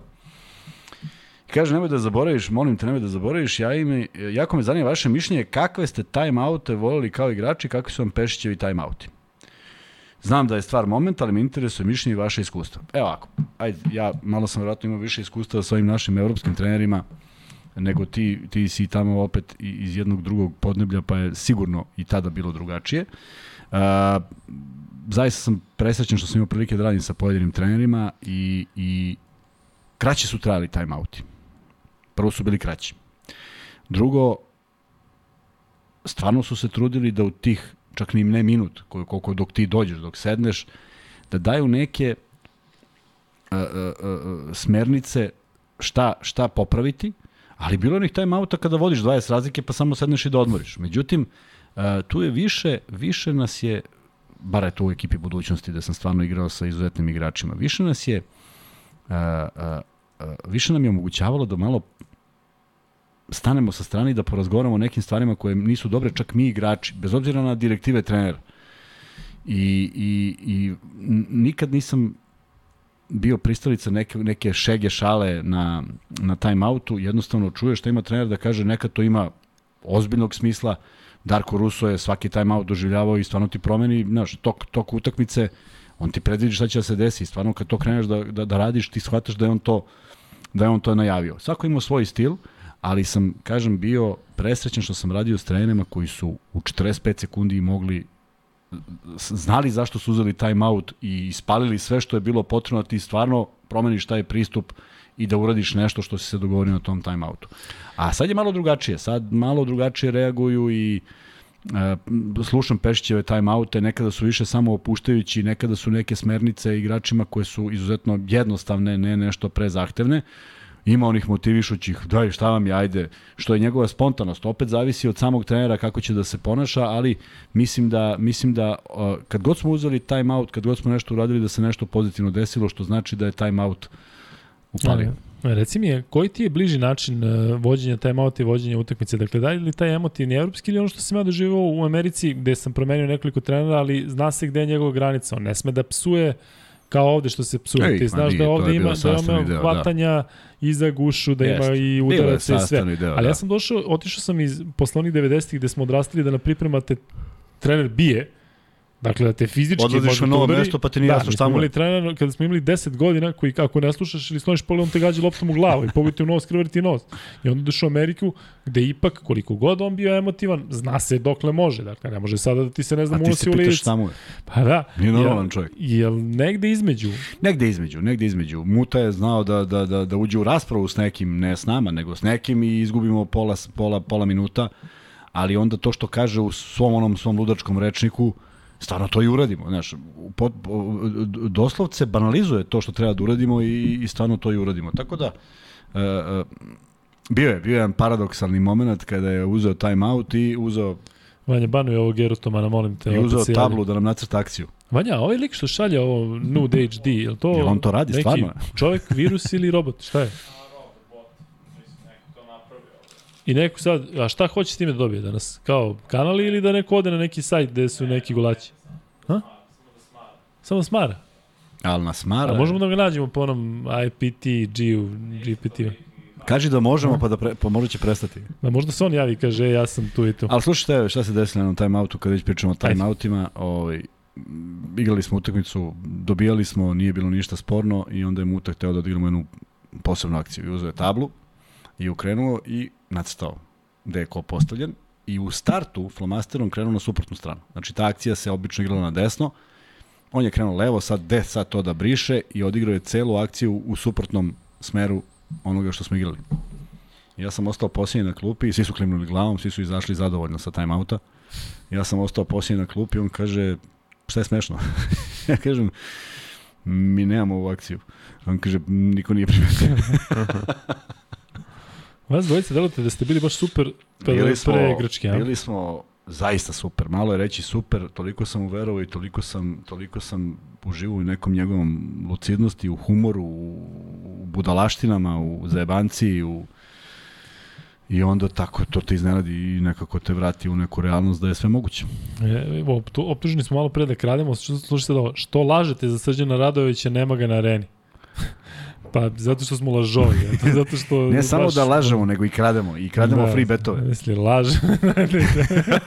U stvari Šta jedna- mislite odakle ovi jedna slatkiši? Kriminalna, evo? kriminalna, nemoralna I organizacija. sve pare dakle. koje pošljete, a mi samo Što trošimo. lažete? I sad, kada ti sad čuješ e, Srke koji je napravio pauzu između sport kluba i arene i krene da prenosi, pošto trenutno nema šta da prenosi na areni, pošto naravno. prenosi samo košarku. Kako da prenosi Kako košarku? onda ti sada, pošto si nas optužio da lažemo, šta onda ti Kako kažeš? da nam se izviniš? ne. Morat ćeš kamion čokolade. No, pazi, da pritom nemaš košarku trenutno. Dakle, Pa postoji naravno, ne košarka. postoji šta da radi na areni. Pa da, tako da... A on čovek će raditi samo košarku. Ne, možda, možda si on šalio, kad je došao da se oprosti, kad je došao po papire, možda je on sve da bi, da bi nas ovde u kanali. Da. Ja ajde molim vas da više ne pričamo o Srkiju Radoviću, zato što de definisali smo potpuno tu situaciju da je prešao i da će grupu. biti tamo.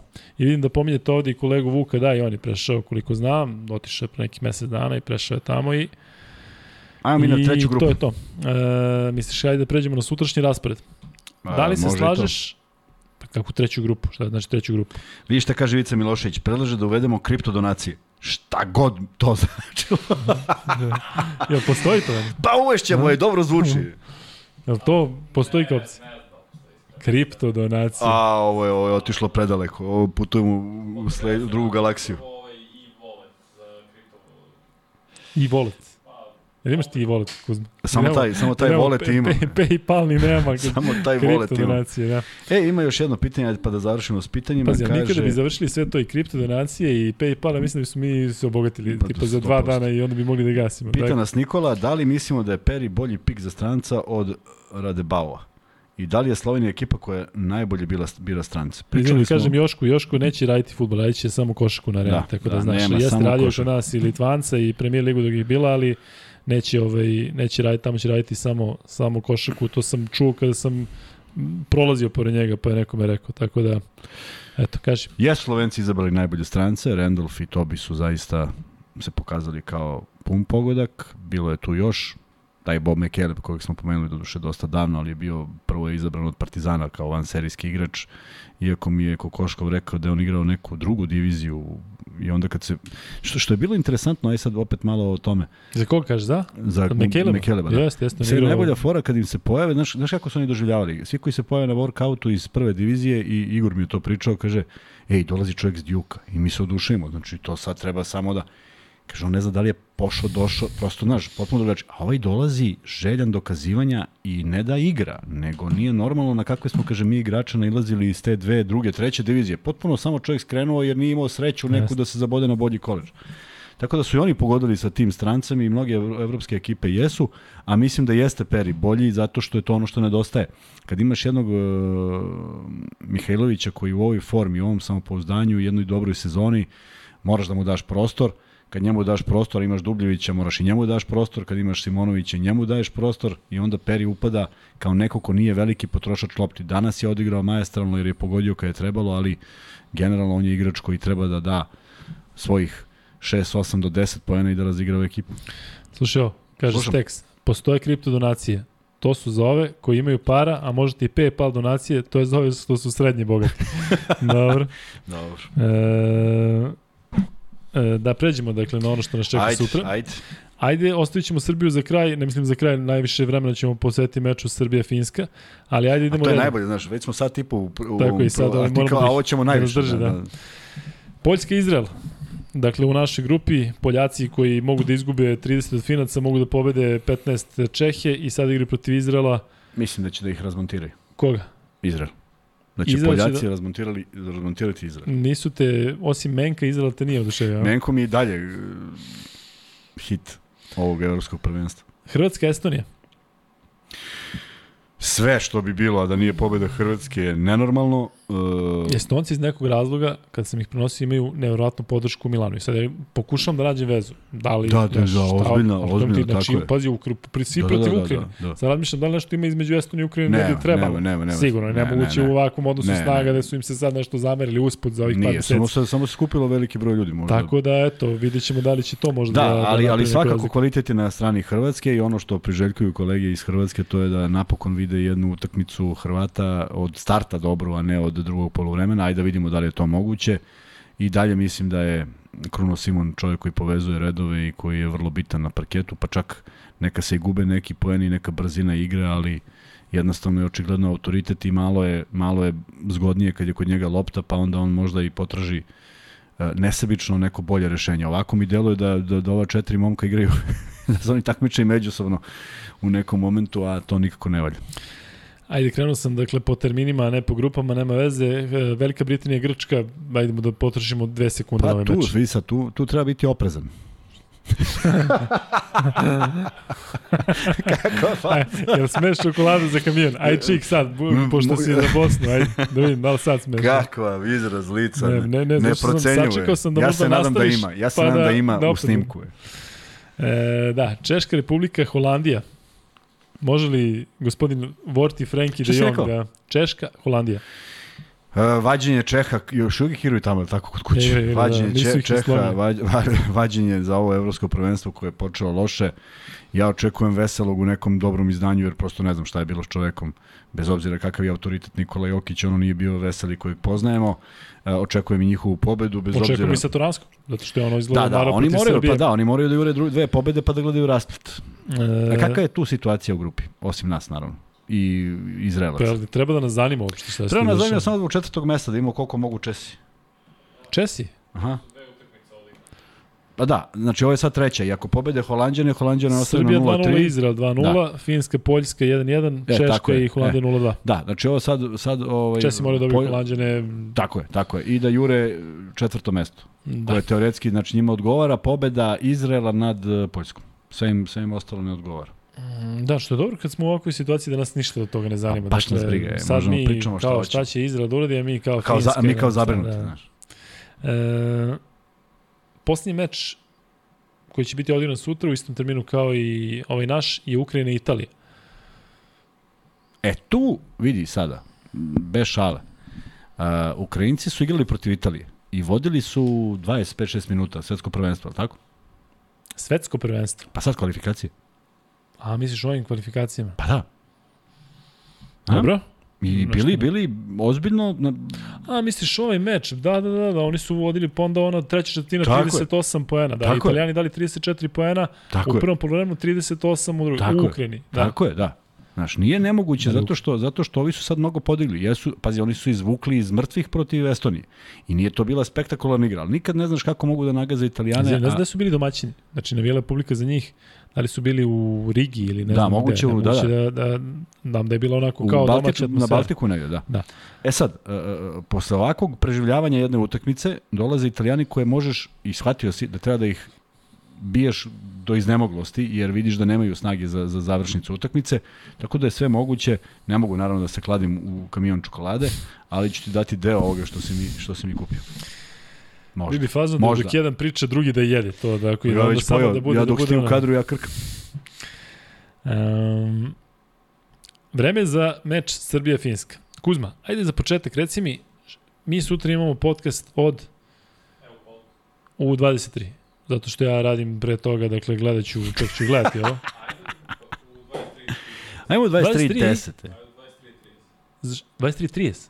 Pa mi igramo od 9 do realno 15 do 11. Ajmo 23 15. Pa i sad ovo, ajde da pitamo vas, kada biste volili sutra podcast? Dakle, da li kada odmah uključite, isključite Srbiju da gledamo ovo, kad sutra mislite da treba da počne podcast, dakle možemo da se ovde dogovaramo sa vama, kad kome odgovara.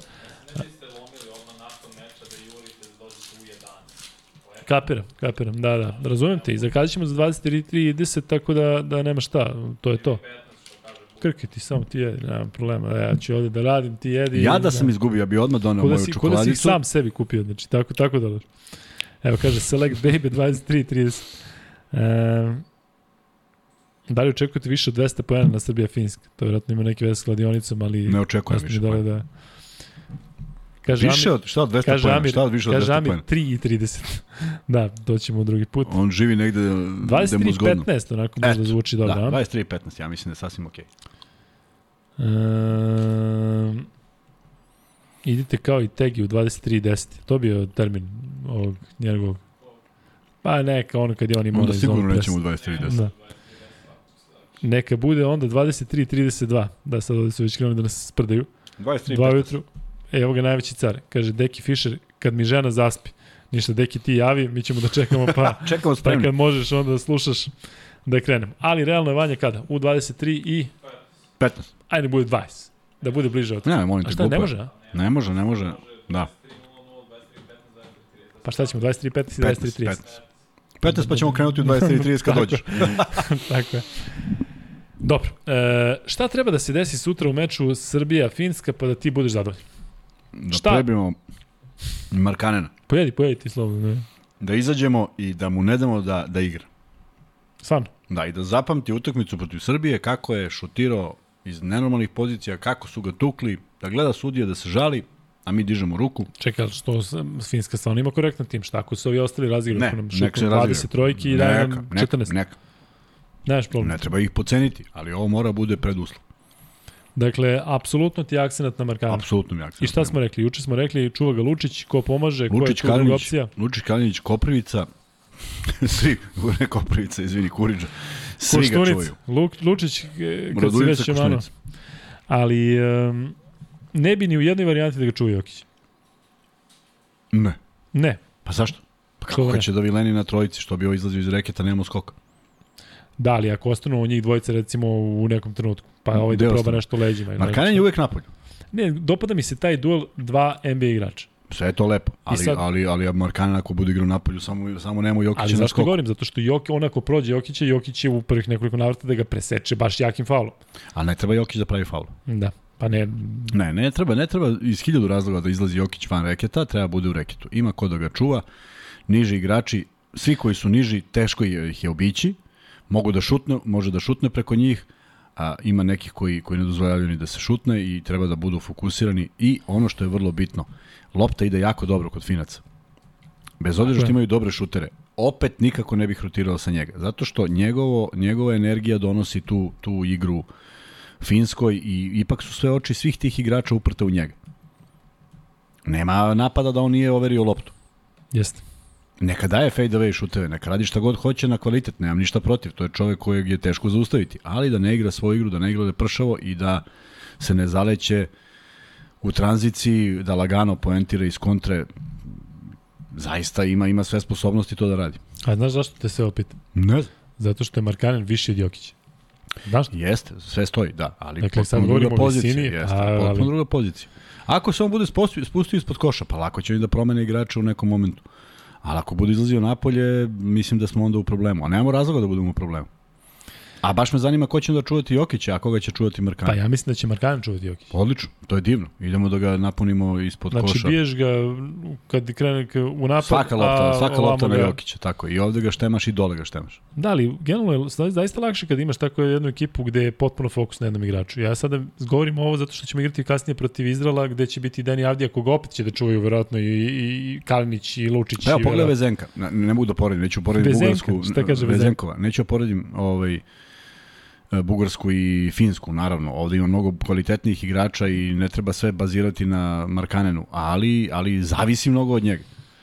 Prosto nije to ista ekipa. Pa ajde mi da pogledamo. Mi kad pričamo, evo, svi komentari koji stižu kad kažu Vasa Micić i Nikola Jokić, mi nismo isti. Pa nisu ni Finci isti kada mi je Markanen izolovan. Da, što oni tome- u gori situaciji, Pa, što možemo je. da imamo jednog Pa, jasno, da. tako je, tako da ajmo da se da se potrudimo da to bude tako, da ne bude njegovih mnogo poena ili ako su ako jesu poeni, neka budu slobodnih slovi bacanja i neka budu poeni bazirani na njegovom kvalitetu gde ti prosto tolikog čoveka kad napravi jedan jedan pokret dobar, pa ne može ga ne može ga blokira niko. Mm, Ne postoji igrač koji će da ga blokira, ali nek daje to. To je onda su kvalitet protiv kojeg ne možeš. Ali ajmo da ga naučimo. Um, možda nije dobro to što mi svi vidimo da ćemo mi Finsku da razvalimo. Ne, što ja su ne mislim da pobedili, ćemo, Oni su pobedili. Hrvatsku, Da. pobedili su Poljsku 30 Ma oni su samo misteriozno izgubili od uh, ovoga od Izraela. I ne treba da mislimo da ćemo da ih razbijemo. I ja neću da budem zadovoljan sa pola koša, ali ću biti zadovoljan sa šest pojena. Jer onda znači da smo imali dva ili tri poseda razlike i nema nervoze. A vidiš, ne recimo, da protiv. Poljske nije uopšte Markanen bio najefikasniji, nego bio Sasu Salin.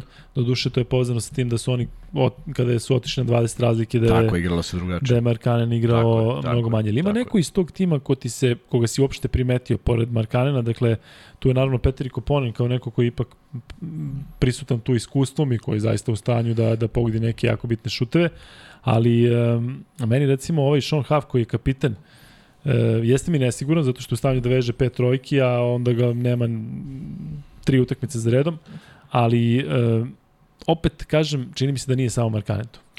Ali vidi šta je veći problem. Ni, nije samo Markan, ima, ima i, i dovoljno iskustva, rekao si Salina i rekao si Koponena i sigurno ima još par igrača, ali nije to sa mnogo bitno. Mnogo bitnije je što oni igraju onu, ja sad ću se vratiti u daleku prošlost, ali ljudi koji su pamtili tu, sam ti pričao nekada o Juba Ligi. Pitaj ovde, kako nisi pomenuo nijedan. Evo, ko je pitao? Dakle, bio je taj radnički Crvenog krsta. Perović, Bošković, Ranko Velimirović, Naćvi, Načve i tako je. Marko Jarić tad bio to, junior. Ne, ne, ne, to je kasnije. Nije nije, Ta ali lopta, s njim. ta lopta, kad jedan zabode, samo širi na stranu, drugi zabode širi na stranu. Pa slađen bio je tad. Nije bio slađen. Bila baš mlada ekipa. To je pet šutera, da ne znaš odakle bije. Bio je Adžić, jedini čovjek koji je bio centar i mislim da je Sinđa bio klinac koji igra na poziciju. To ne znaš odakle sevaju trojke i mnogo je teško da se prilagodiš. E, a tu ti se sve onda svodi na taj jedan na jedan i na skupljanje. Mislim da moramo da se posvetimo odbrani jedan na jedan i da ne sužavamo protiv Finaca, jer oni se hrane time da, da traže pas između dva igrača. Ja znam da to nije lako, to su sve brzanjci i dobri i dobri šuteri, ali nešto moramo da žrtvujemo i moramo da se posvetimo tome, a vezano za ovo što sam ti ispričao na početku, uh, Sabonis Šreder, faul i koš, umesto samo faul, izađeš napolje, zahvališ se publici što te bodrila i možda postoje šanse da tvoja ekipa pobedi. Dakle, na utakmici protiv Finske, koja je najveći izazov do sada, volio bi da vidim i taj najveći fokus, da ne dođemo u situaciju da pričamo o nekim propustima taktičko-tehničkim, za koje mislim da su ovi igrači obučeni i da imaju odličnog trenera i da treba da to pokažu u jednoj utakmici u fokusu. I da ostanemo na fantastičnom proseku izgubljenih lopti, jer to je nešto što je vrlo bitno. Kaže ovde Kuzma za predsednika Juba Ligi. E, pitaju koji je Finac slomio rame e, Kari u Barceloni, to je Koponen, koji je imao neku bizarnu saobraćajku taksijem dok je bio u, u Barceloni, dakle ne znam šta kola, pa je krenuo taksijem, pa je onda bilo neka saobraćajka, tu čak nešto Jeste. i povređen. E, u svakom slučaju, e, obratite pažnju na Petra Kopona sutra, E, mislim da mi nemamo u našoj ekipi jednog takvog, toliko iskusnog igrača. Dakle, da je Teodosić tu otprilike to pandan Teodosiću neko dakle, ko ima um, baš u ekipi jednog superstara kao što ima kao što bi Teodosić imao Jokića, a on ima Markanena, ali ipak čini mi se da on tamo kada nešto krene da, da radi, da moraju svi da da slušaju i da stoje mirno. Dejan Ali- Inter, kojeg sam ti malo prespomenuo u jednoj prepisci, evo ga, novi patron. Svaka čast. Evo da zahvalim. I još jednom da kažemo da, da svi vi koji ste patroni i koji ste ovde donirali, a vidio sam da je, da je donirao momak, mislim da se, ajde, samo javi se kako si, zato što mi je otišao ovaj, otišao mi je potpuno čat, vidim da se donirao, hvala tebi i kada ja i Kuzma napišemo knjigu, tu famoznu knjigu, onda ćemo sve vas da stavimo da budete besmrtni zajedno sa nama i sa tom našom knjigom. E, I kažem, to smo videli od Crke Ercega, dakle nije naš, naš izum, ali jako lep način da se zahvalite i da se revanširate onima koji, koji vas podržavaju za ovaj način. To sa patronima i sa tim podržavanjem je stvarno šmekerski, zato što mi nećemo se obogatiti od tih 5 ili 10 evra vidiš ili da 2, ima ali ljudi koji uživaju jednostavno da neko želi da ovo podrži na taj način, to je baš, baš lepo, zato što svi znate da smo osuđeni na plaćanje tog RTS-a, ne znam, kablovsku moraš platiš, moraš ovo, a ovo je tvoja, dakle, e, dobra volja da podržiš nešto što, što, što ti se sviđa, tako da je sjajno. E, Saša je postavio 500 puta pitanje, Luka, prokomentarišite ovo, ako BiH pobedi Francusku, Litva ne ispada. Molim te prokomentariši, da se vratimo ovo sad. Samo da ne izlazi više. Pa, ispada, da. U stvari ne ispada, onda Francuska ima dva, dve pobede i može da bude lošija od Litvanije koja može da pobedi dve utakmice. Prema tome, tu svako ko je na dve utakmice, ako ne pobedi nijednu do kraja, visi. A mislim da je Znaš kako mora, jesu tu gleda koš razlika ili koš razlika, ne možeš ti međusobni susret, nego ko- ukupna koš gleda? Hm? Šta se prvo gleda? Samo koš razlika, ne može međusobni susret. Ne može Žika pobedio Miku, pa a Mika je pobedio Lazu. A ne može Laza i ovaj, ne poredi se ko je koga pobedio. Ma, mora da se gleda bre odnos pobede, međusobni duel. Gleda se, sad su Bosanci iznad Slovenije, jako im je loše koš razliku. Zato što ih pobedili. Pa jesu ako uđu u krug sa Slovenijom. Tako je sada, trenutno? Znači, Bosna je druga, Slovenija je treća. Zato što imaju bolji međusobni duel. I ako tako bude na kraju gledat će se... A tako onda ispada... Ako je krug od tri, onda naravno ide ovako. Pa tako. Mislim da je samo koš razlika. Ajde, pišite nam Ne, šta. ne, mislio ako sam, možda i nije, ne, ne, u pravu si.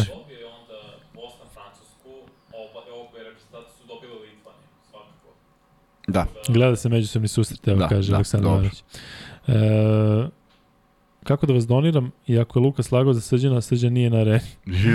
Joško, Joško, Joško imaš, ako si ozbiljan, imaš tamo za patrona, pite ovde, može li donacija preko pionira? U smislu ono da se nađemo kod pionira, tako pa, da li, je, pa, a Pionir je, beše šta, to je neki posrednik tu. Ne, Pi- Pioneer je samo posrednik od patrona Pita do da li nas. može donacija preko pionira, mislim na Pionir.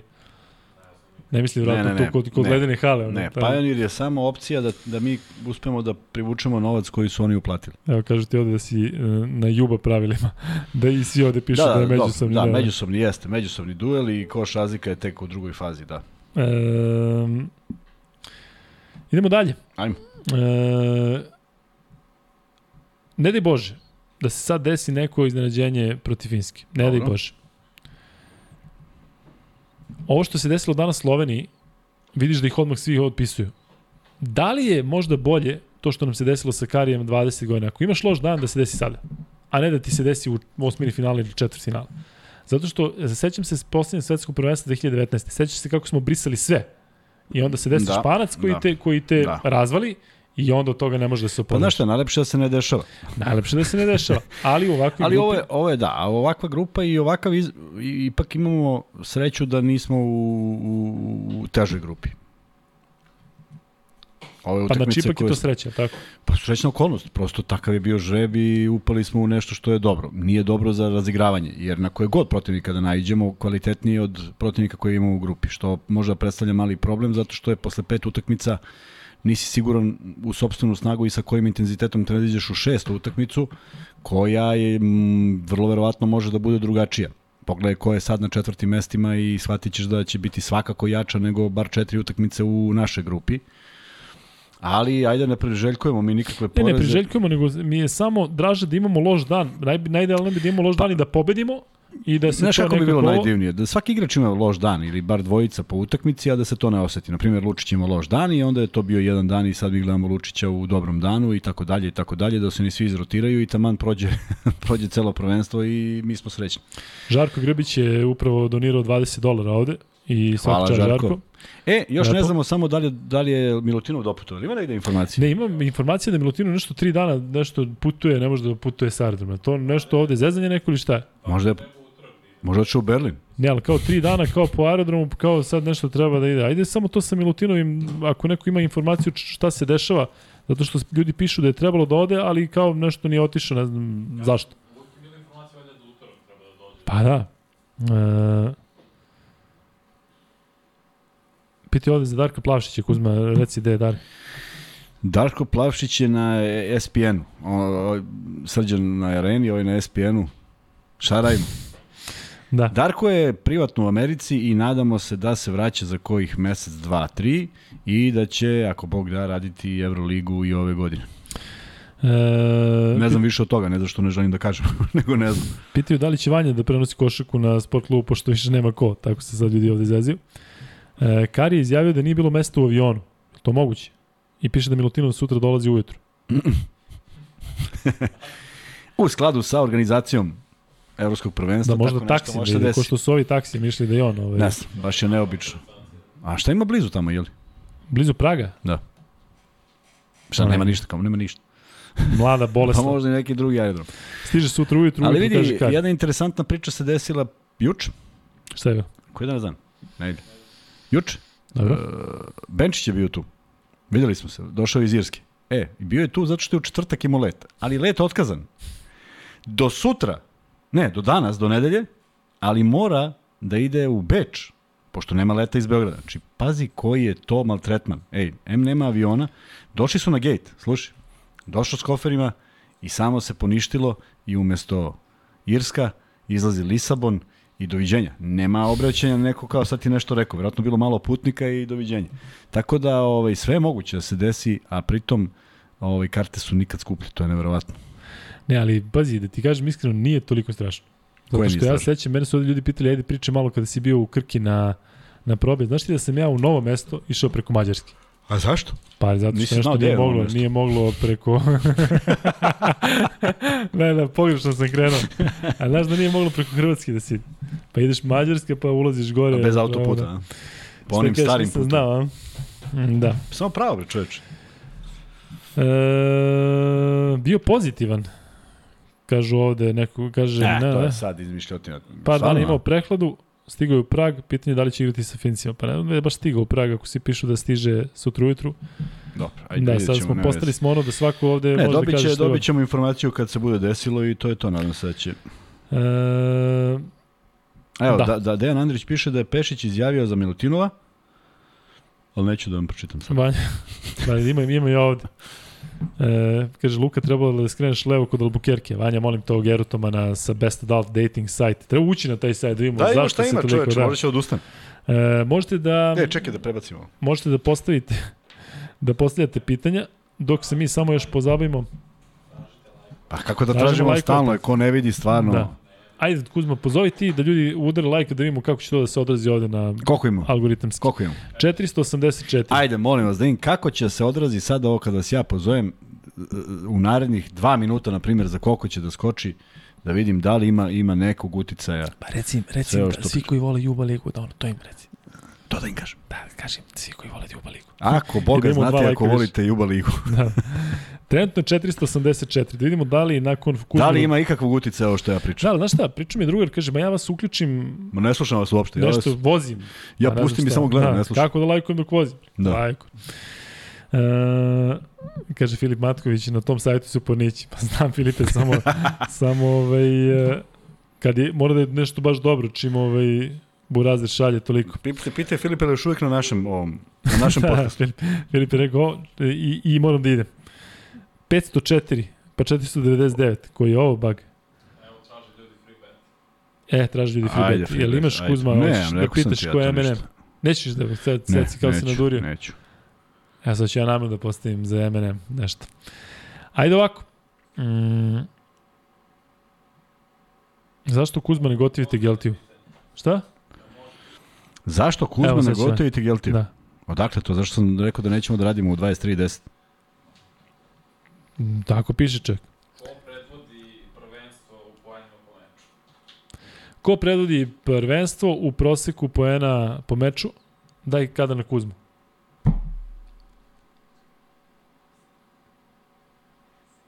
A, da bi se se dogovorili?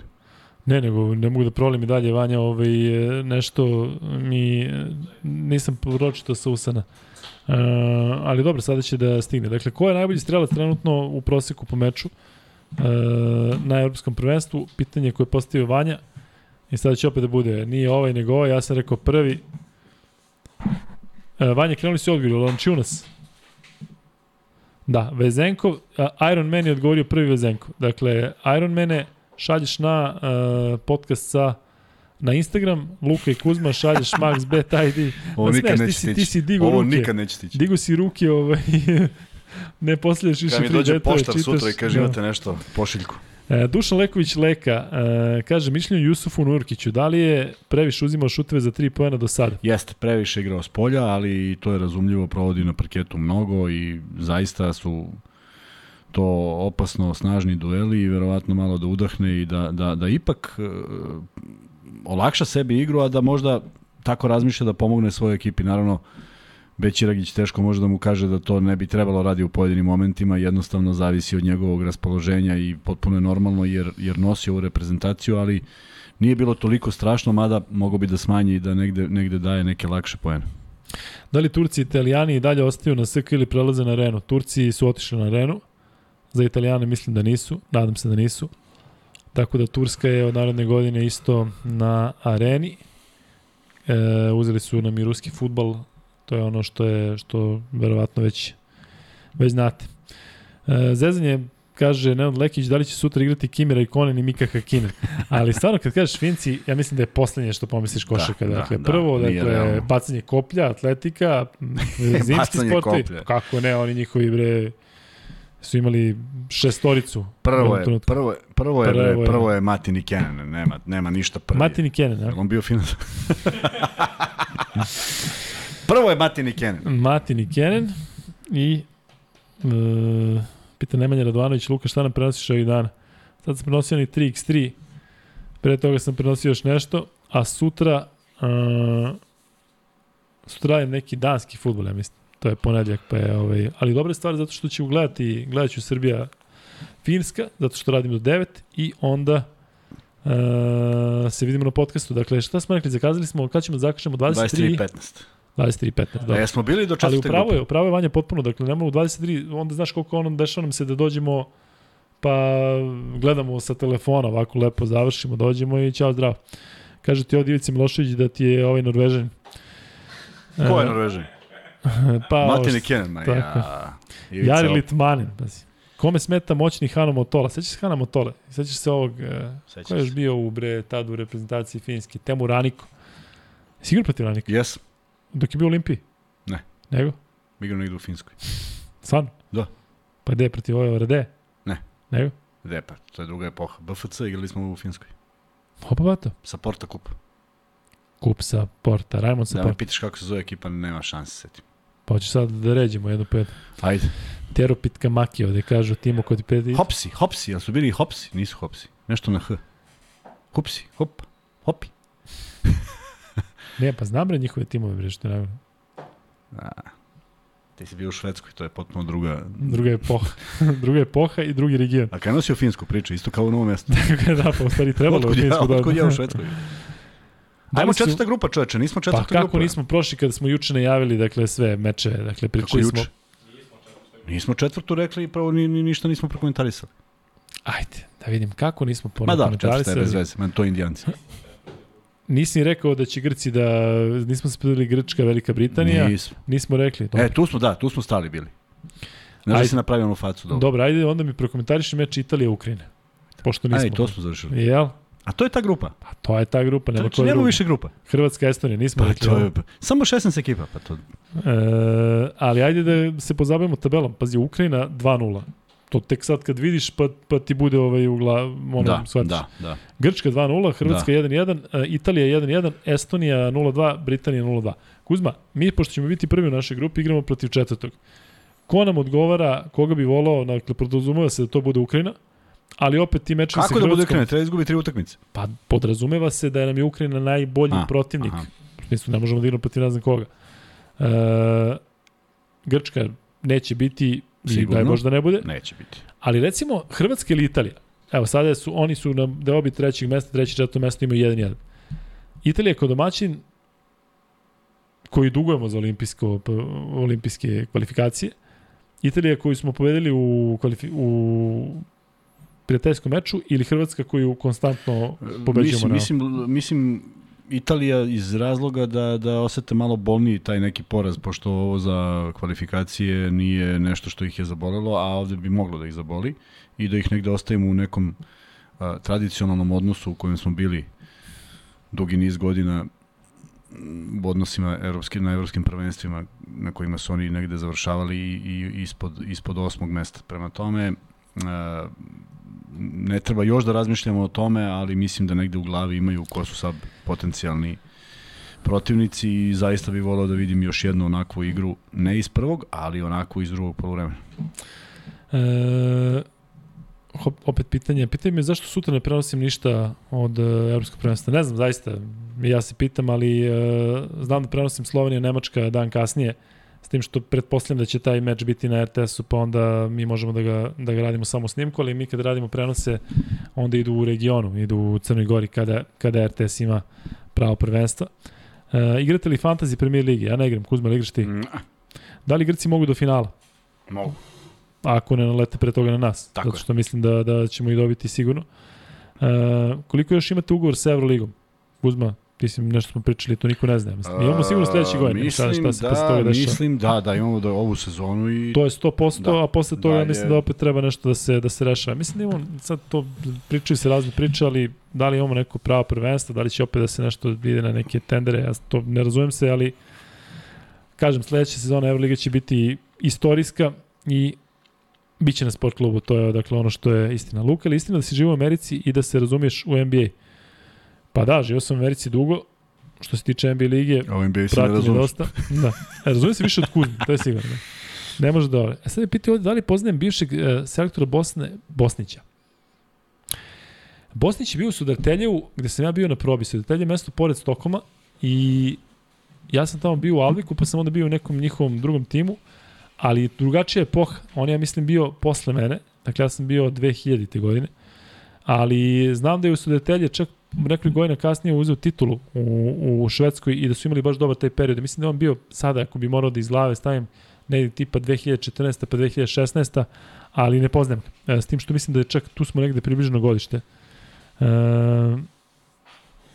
kaže ovde, najmanje nam leže Ameri. Istina. E, kaže ti ovde da Darko dolazi u januaru i da prelazi na arenu. Edin izjavio. Edin izjavio. Mm, da. Ali moguće da je neko trolovanje. Uh, Isti oni što je pre neki dan pisao da je Srđan Radović, pa me pozdravlja, znaš? Da, je tako? Da, da. Kao Srđan Radović ovdje, sad mi pričaju s njime si prešao, on kaže da jeste. I pozdrav, kao pozdravlja Kuzmu. Kuzma, može anegdota sa Benčićem? Ajde, evo ti. Anegdota s Benčićem? Ne mogu sad smislim, ali smislit ću. Može li se postati patron bez Paypala? Može. Može, može, da. ne, nema veze s Paypalom. Luka, kako je bilo u Las Vegasu, da je piše na malo. U Las Vegasu mi iskreno da ti kažem bilo najbolje u Americi s tim što i apsolutno nismo imali nikakve veze sa stripom, sa onom ulicom gde su svi kafići i sve. Bili, živjeli smo u kraju koji se zove Samelin, za koji sam ja možda najvezaniji u odnosu na kraj gde sam se rodio i za našu zemlju naravno, zato što mi se tamo rodila čerka. Predivan jedan kraj gde si potpuno bezbedan, gde ideš ulicom. Jedini, jedini problem koji imaš je zato što ne možeš da slušaš muziku i ne možeš da imaš slušalice zato što ti se apsolutno svako javlja, bar se meni javlja svako, zato što verovatno misle da sam njihov. Uh, I stalno me pitaju, si ti iz Dallasa, si, si ti iz Teksasa, iz kog dela si Amerike, si gore kao sa severa, uh, gde su uglavnom bili ovaj, skandinavci, tako da u Vegasu je bilo fenomenalno i to je ta poslednja moja tura u, u Americi i kažem, zaista nam je bilo lepo, ostavili smo neki mir uh, koji generalno u Srbiji i ovde u, teško možda osjetiš dakle, da, si, da si siguran. Ček, sećam se čak jednog perioda da mi je bilo onako ekstra dan ispunjen. Sve super, dakle laganica uveče NBA u normalnim terminima, krene istočna obala oko 4, završi se tamo negde oko 11, NBA League Pass i udri. Tako da, e, bilo je super. E, od svih mesta gde sam bio, gde sam živio u Americi, čak kad bih morao da izdvojim, e, Vegas mi je najbolji. E, ovamo da sam studirao, tamo mi je stvarno bilo sjajno, zašto je bila potpuno drugačija priča. I eto. E, Luka Serene kažu da Euroliga prelazi na arenu posle ove sezone. ne znam šta da vam kažem. Dakle, vidite, vi i sami vidite šta se dešava, vrlo moguće da prelazi. E, pitaju šta se prenosite od košarke ove sezone. Znam da imamo taj neki način ugovor sa FIBom da imamo pravo na njihove sve utakmice. Tako da ćemo sigurno prenositi kvalifikacije sve ove prozore i prenosit ćemo evropska i svetska prvenstva do 2029. To imamo kupljeno. Što se tiče samih liga, uh, Dakle, Euroligu i Eurocup prenosimo sigurno. Što se tiče domaćih liga, znate da smo prenosili Italiju, Nemačku, Tursku, koja je sada prešla tamo. E, prenosili smo Ukrajinu, koju verovatno nećemo prenositi, e, zbog dešavanja koja, koja su koja su u toku. I koji smo bre još imali ligu? Šta je? Gde znam? Si zasp? Nisam, Uzman nego, čmelo. nego slabo ja to gledam. E, šta misli Kuzma da neki euro se organizuje u četiri zemlje, zemlje bivše XU? To je bilo fenomenalno. A Kuzma? Bilo bi divno, ali ne znam da li smo spremni za to, znaš. Da, ono, ono vidim... Srbije i Crna Gora 2005. Boga mi da, nije smo se prosto. Da, nije, nije, ne znam, ne znam šta da ti kažem, ali uh, ono, onog dana kad bude, bude bila moguća futbalska liga uh, regionalna, bez mnogo problema, mislim da smo da prevazišli sve neke probleme i onda će biti moguće. Kako vam deluje naša odbrana šuta za 3 pojena? Meni deluje da smo previše tanki što se toga tiče. Apropo moje Amerike, znaš ti da je moj prvi meč proti Belhavena, kad sam dobio ono tehničko i sam povlačio obrač, da je naša taktika, generalno smo taj meč spremali, da branimo isključivo šut za 3 pojena.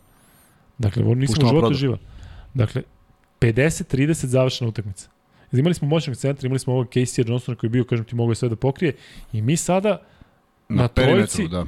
i niko ne da, znači uslov je bio da se ni po koji, ni po ništa, znači finte, ne znam, ne sme da se šutne za tri. Da li su šutnuli ljudi 8, 8 trojki za ceo meč i dali možda dve.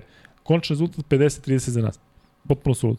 Kako branimo mi šut za tri? Da, moramo bolje. To je ono što sam pričao. Svako probijanje i pas na stranu mi, mi smo mi, mi i su više uh, skupljamo. Imamo mi jednog izuzetnog igrača ispod reketa ko, prema kojem moraju da imaju uh, respekt kada bude došao Milutinov i on je dovoljno uh, veliki da, da, da zaustavlja te šuteve, Ristić je neko ko ima visinu, prema tome treba ih usmeravati, ali ne rotirati preterano, naročito da procenimo ko su ti igrači koji su uslovno rečeno vrući tog dana i koji pogađaju. Moramo napravimo neku, neku razliku, nisu svi šuteri pogađači, ima neki koji samo šutiraju. A ne može, nije baš finska ekipa koja ne promašuje. Prema tome, malo izvagati šta i kako, ali svakako ve- veća, veći fokus na odbrani je na je. Ovo je dobro pitanje. Da li je Gruzija primjer da ne može svaka zemlja da bude domaćin za organizaciju bilo kog prvenstva? Apsolutno da. Dakle, onaj meč koji sam danas gledao, Bugarska Crna Gora, je video prazne tribine. Nema nigde niko. Ali misli zbog toga?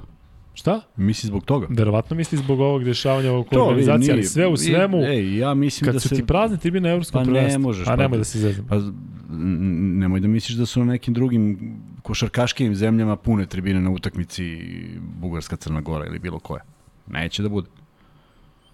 Ne, neće. Kako bre neće? Pa neće, ne dešava Pa se samo baš. ljudi odavde koji vole košarku da odu, pa Pa, ajde, seti se treće utakmice p- Final Fora ovde, nije bilo ni, nikoga.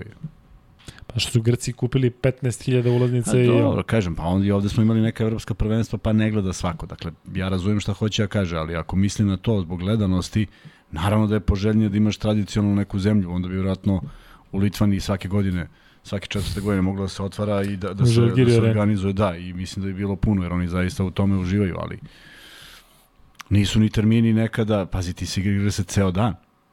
Znaš, nisu, nisu termini u svim zemljama podjednako zgodni. Mislim, ima, ima, imaju ljudi i neke... Sad će se svaka utakmica igrati radnim danima. Znači, ovo su treba da bude najposećenije pa utakmice. zato i kažem, vikend je, Pa, dešava se. ali dobro. E, Slovenija uzdrmana ima Nemačku i Francusku do kraja mogli sebi zakomplikovati ozbiljno. život. Da, kako da ne mogu. Sada imamo koji Da, karakter niko ne imaju. može da kaže da će da tako je. dobije obe Slovenija. Sada imamo koji karakter imaju, kako se ponašaju kad gube, kako izgledaju na terenu, da li je posle tri promašaja nervoza. Sve će se to vidjeti na sledećoj utakmici. Koja je sledeća? Nemačka ili Francuska? Pa Nemačku radim sutra, ne preko sutra. Nemačka. Da, da. A, veliki izazov. S tim što Nemci su negde već glavom... Jel bolje da je Nemačka, a?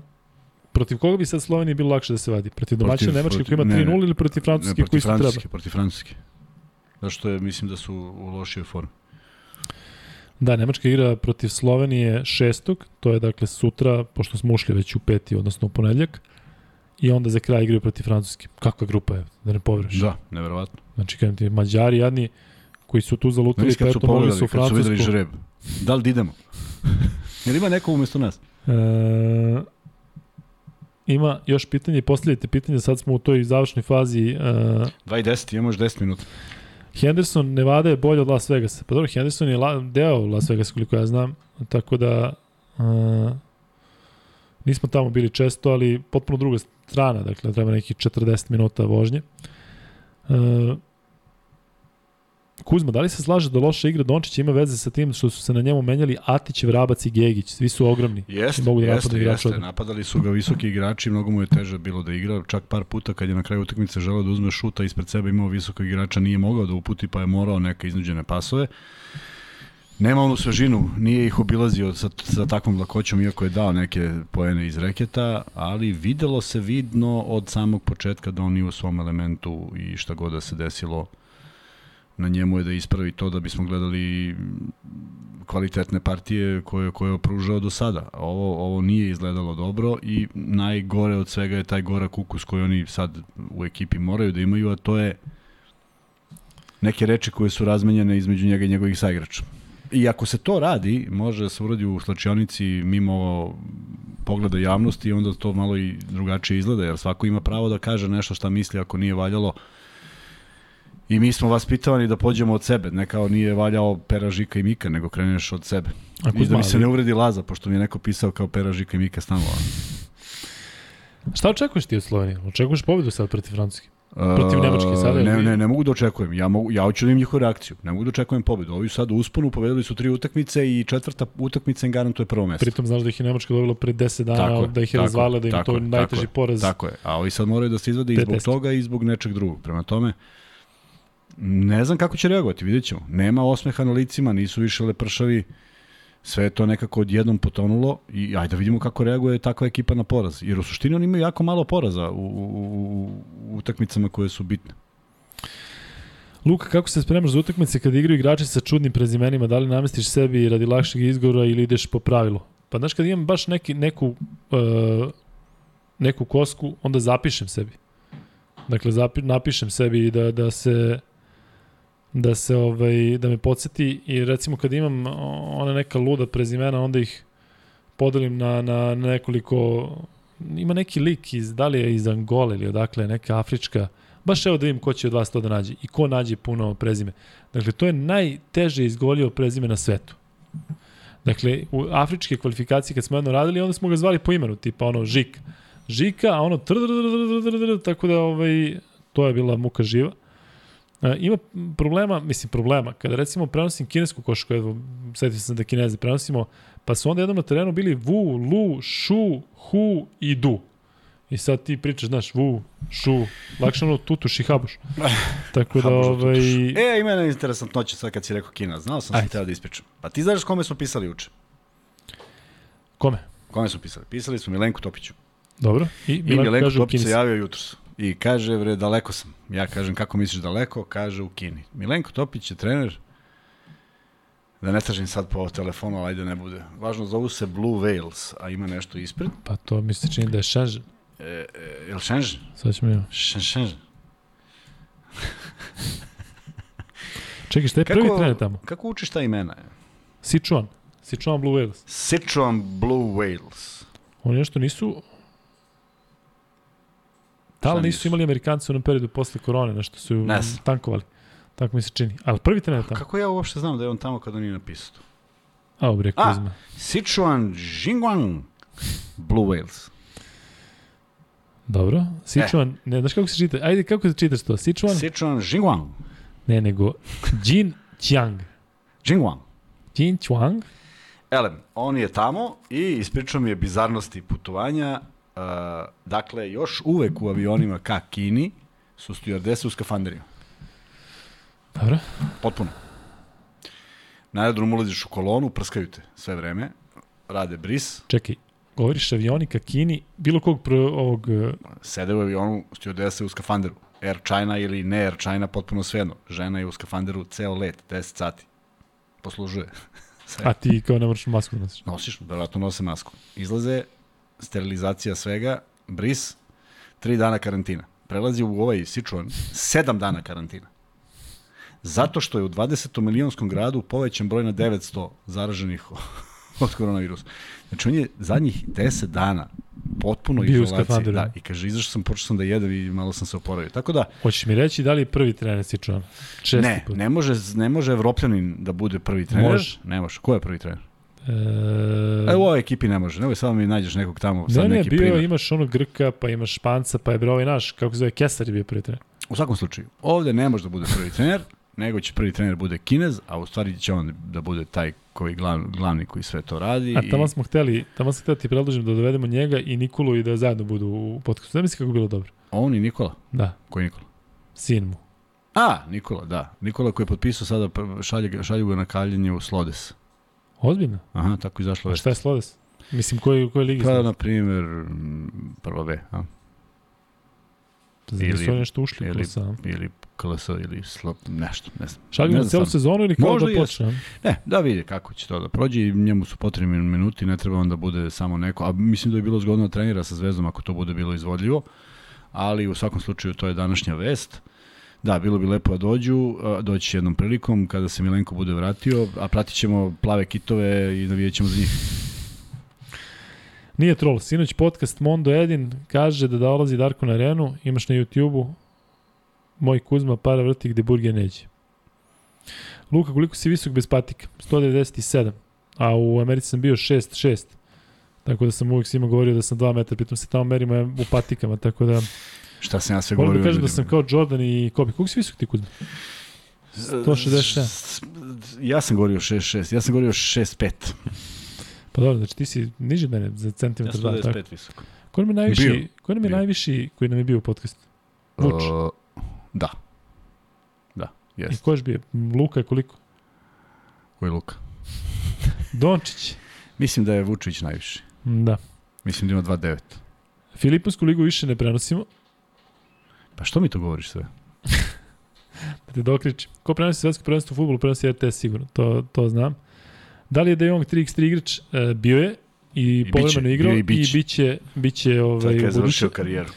Pritom, uh, pritom je Ja mislim da je igrao na nekom svetskom ili evropskom prvenstvu, da sam se iznenadio da sam ga vidio i baš se vidi da je klasi tu. Luka, gde si studirao i kakvi su ti uslovi? Imamo priliku, imam priliku trenutno vidim Colorado University i kakve uslove daju njihovim sportistima, to je neverovatno. Plus Colorado nije među najboljima. U, bio sam tamo. U, pa bio si u Colorado University, Da, da, da, tako? da, Tamo ste imali, u njihovoj hali ste imali Da, trening, da, tako? da, da, ne trening, samo smo bili da ih posetimo. I? Potpuno ludilo. Evo, Žarko Grbić koji nas je donirao kaže da, da, da je Žarko Grbić, tamo. kaže, Da, a on je tamo. da, da. da. To je neverovatno, znači, od, od, a, apsolutno su nam pokazali sve što mogu da nam pokažu, od slačionica do, do mesta gde studenti jedu, gde šta god. Nema, ne, ne, moraš da uključiš mozak uopšte. Sve ti je namešteno, o njima se vodi računa i onda je bilo fascinantno kad smo seli u jednu prostoriju, da ne govorimo o salama kako izgledaju broj lopti, broj rekvizita i sve to što treba. A, imaju jedan divan wall of fame sa nekih osam uspešnih igrača sa sa Colorado u NBA i onda ima taj jedan deo gde oni gledaju utakmice i to su neke fotelje, samo što nema ono masaža još za leđa i imaju za, za, za, za one ogromne Coca-Cola da mogu da stave, znaš, rupa, da može da se ne, da ne stoji, da ne padne slučajno, ne da Bože, i onda oni tu sednu i onda se otvori jedan plakar na kojem su nacrtane table, tu su projektori, čuda i nema šta. I to izgleda ko onako bioskopska, mala bioskopska sala. Takva su, takve su fotelje. Dakle, neverovatno. Jedan E, od koleđa. Kad si bio ti? 2017? 17. Ja. Da.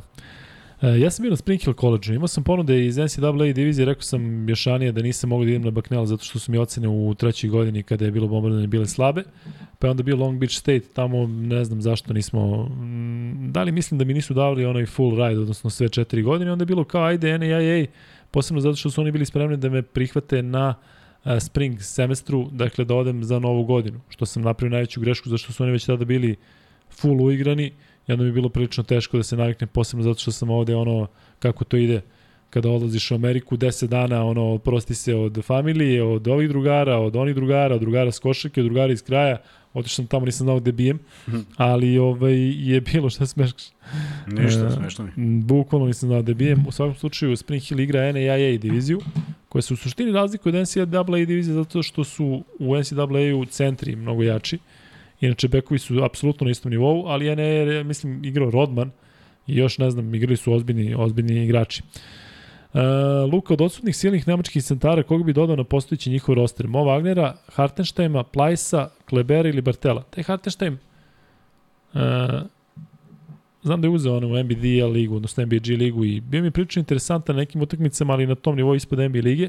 Ovaj Mo Wagner, njega iskreno ne volim iz nekog razloga, čak ne mogu ni da objasnim zašto. Čini mi se da se previše onako busa za, za nekog rukija. Dodao bih Plajsa, pa onda Klebera i onda Bartela. Tako da je to moj, moj uh, izbor. Ali Plajs nekako bre Kuzma pravi onaj centar. To smo pričali toliko puta. Jeste, i da to odličnu sezonu imaju. Izvuko Efes u tom finalu i najzaslužniji uz Vasu Mitića za pobedu i titulu. Nego s 2 i 20 je, znaš. I ispucaj Evo, taj free kažu ti bet. ovde, pozdrav iz Kine, pratite se i ovde u ranim jutarnjim satima. Viš da ljudima odgovore.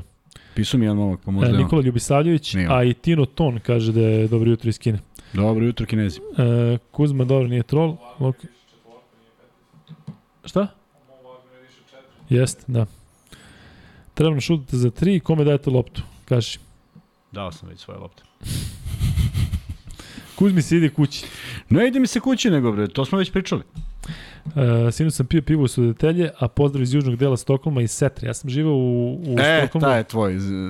Stepa Stepanović u Sodetelju. Čekaj, jel ti govoriš iz Fisk Setre?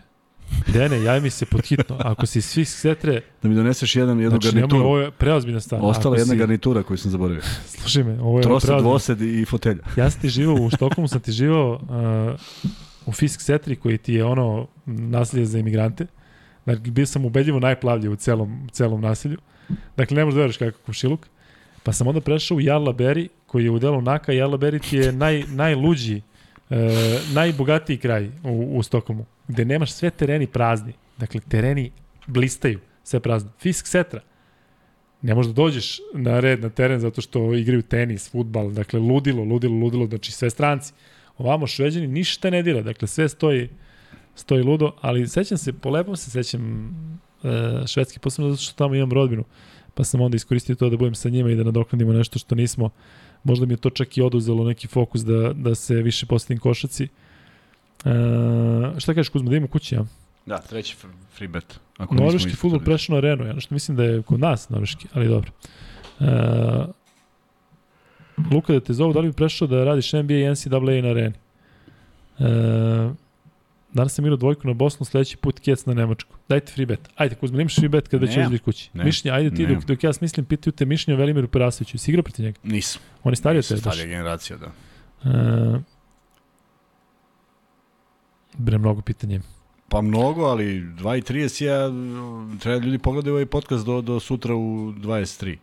Ima li šanse da malo, uh, da malo E, na, češće Vanja, na Spotify, možeš da ubaciš odmah na Spotify. Kad može da se ubaci na Spotify? Zvali su ljudi i pitali. Ovo ako bi izašao odavde u 3.15. Eto, Vanja će izaći. Ne, ali imajte razumevanja stalno za nas. Dakle, Da, ovo je malo teže u prvom danu. sad bez veze, sad ću biti, sad ću biti ozbiljan koliko god to bilo nemoguće u ovom naš, ovoj našoj atmosferi sa svojim slatkišima i sa tom koji hoćeš da ideš kući. Ali ljudi, stvarno na sport klubu uh, radim toliko prenosa da nekada ako kasnimo, kasnimo uglavnom zbog ovih prenosa. Imate razumevanja za to. Imate razumevanja zato što je generalno malo specifična situacija i svašta je, smo prošli u nekom prethodnom periodu i privatno i kako god. Uh, što se tiče Vanje, Vanje je tu non stop sa nama, ja ne znam kako njemu da non stop ovo pritiska i da ima taj fokus i svaki, svaki dan je tu sa nama, tako da te neke sitne stvari što deluje kao da smo ne- neozbiljni to prebacivanje na Spotify, on sad, dakle, u 2.23 treba svi zajedno da krenemo kući, dakle, on bi trebalo to da, da, da prebacimo i da ga čekamo. Tako da za te neke tehničke stvari malo je zaznutije sada, ali idemo svaki dan, što je, ja mislim, neverovatno, evo već četiri dana, opet se uvukla se neka nervoza, tako da valjda ćemo izdržati do kraja. Imaćemo dan pauze kad bude bio dan pauze na prvenstvu. To je bilo zgodno. Neće nam dati ovi naši. Koji neće dati? Pa naši ljudi... Hoćeš u kamion Da će dati, ja. Setra Sher Holman. Nije ovo Ghetto Steel Bronx vazan, da. Aj, Da, oj. Da, nije, nažalost, svi Setra. Šta? Evo, Vanja je smislio free bet da bi se što pre završio podcast, ne zato što je dobar. Kaži. Koji, koje godine je Rusija osvojila evropsko prvenstvo? Poslednji put. Koje godine je Rusija osvojila evropsko prvenstvo poslednji put? Znaju svi, je tako? A što si dao to? Zato što kao nema ih pa... Da, e, dakle, sad pošto znam da već odgovarate, to je ono legendarno evropsko prvenstvo gde nam je Šarenac prišao o mokinim izjavama, da.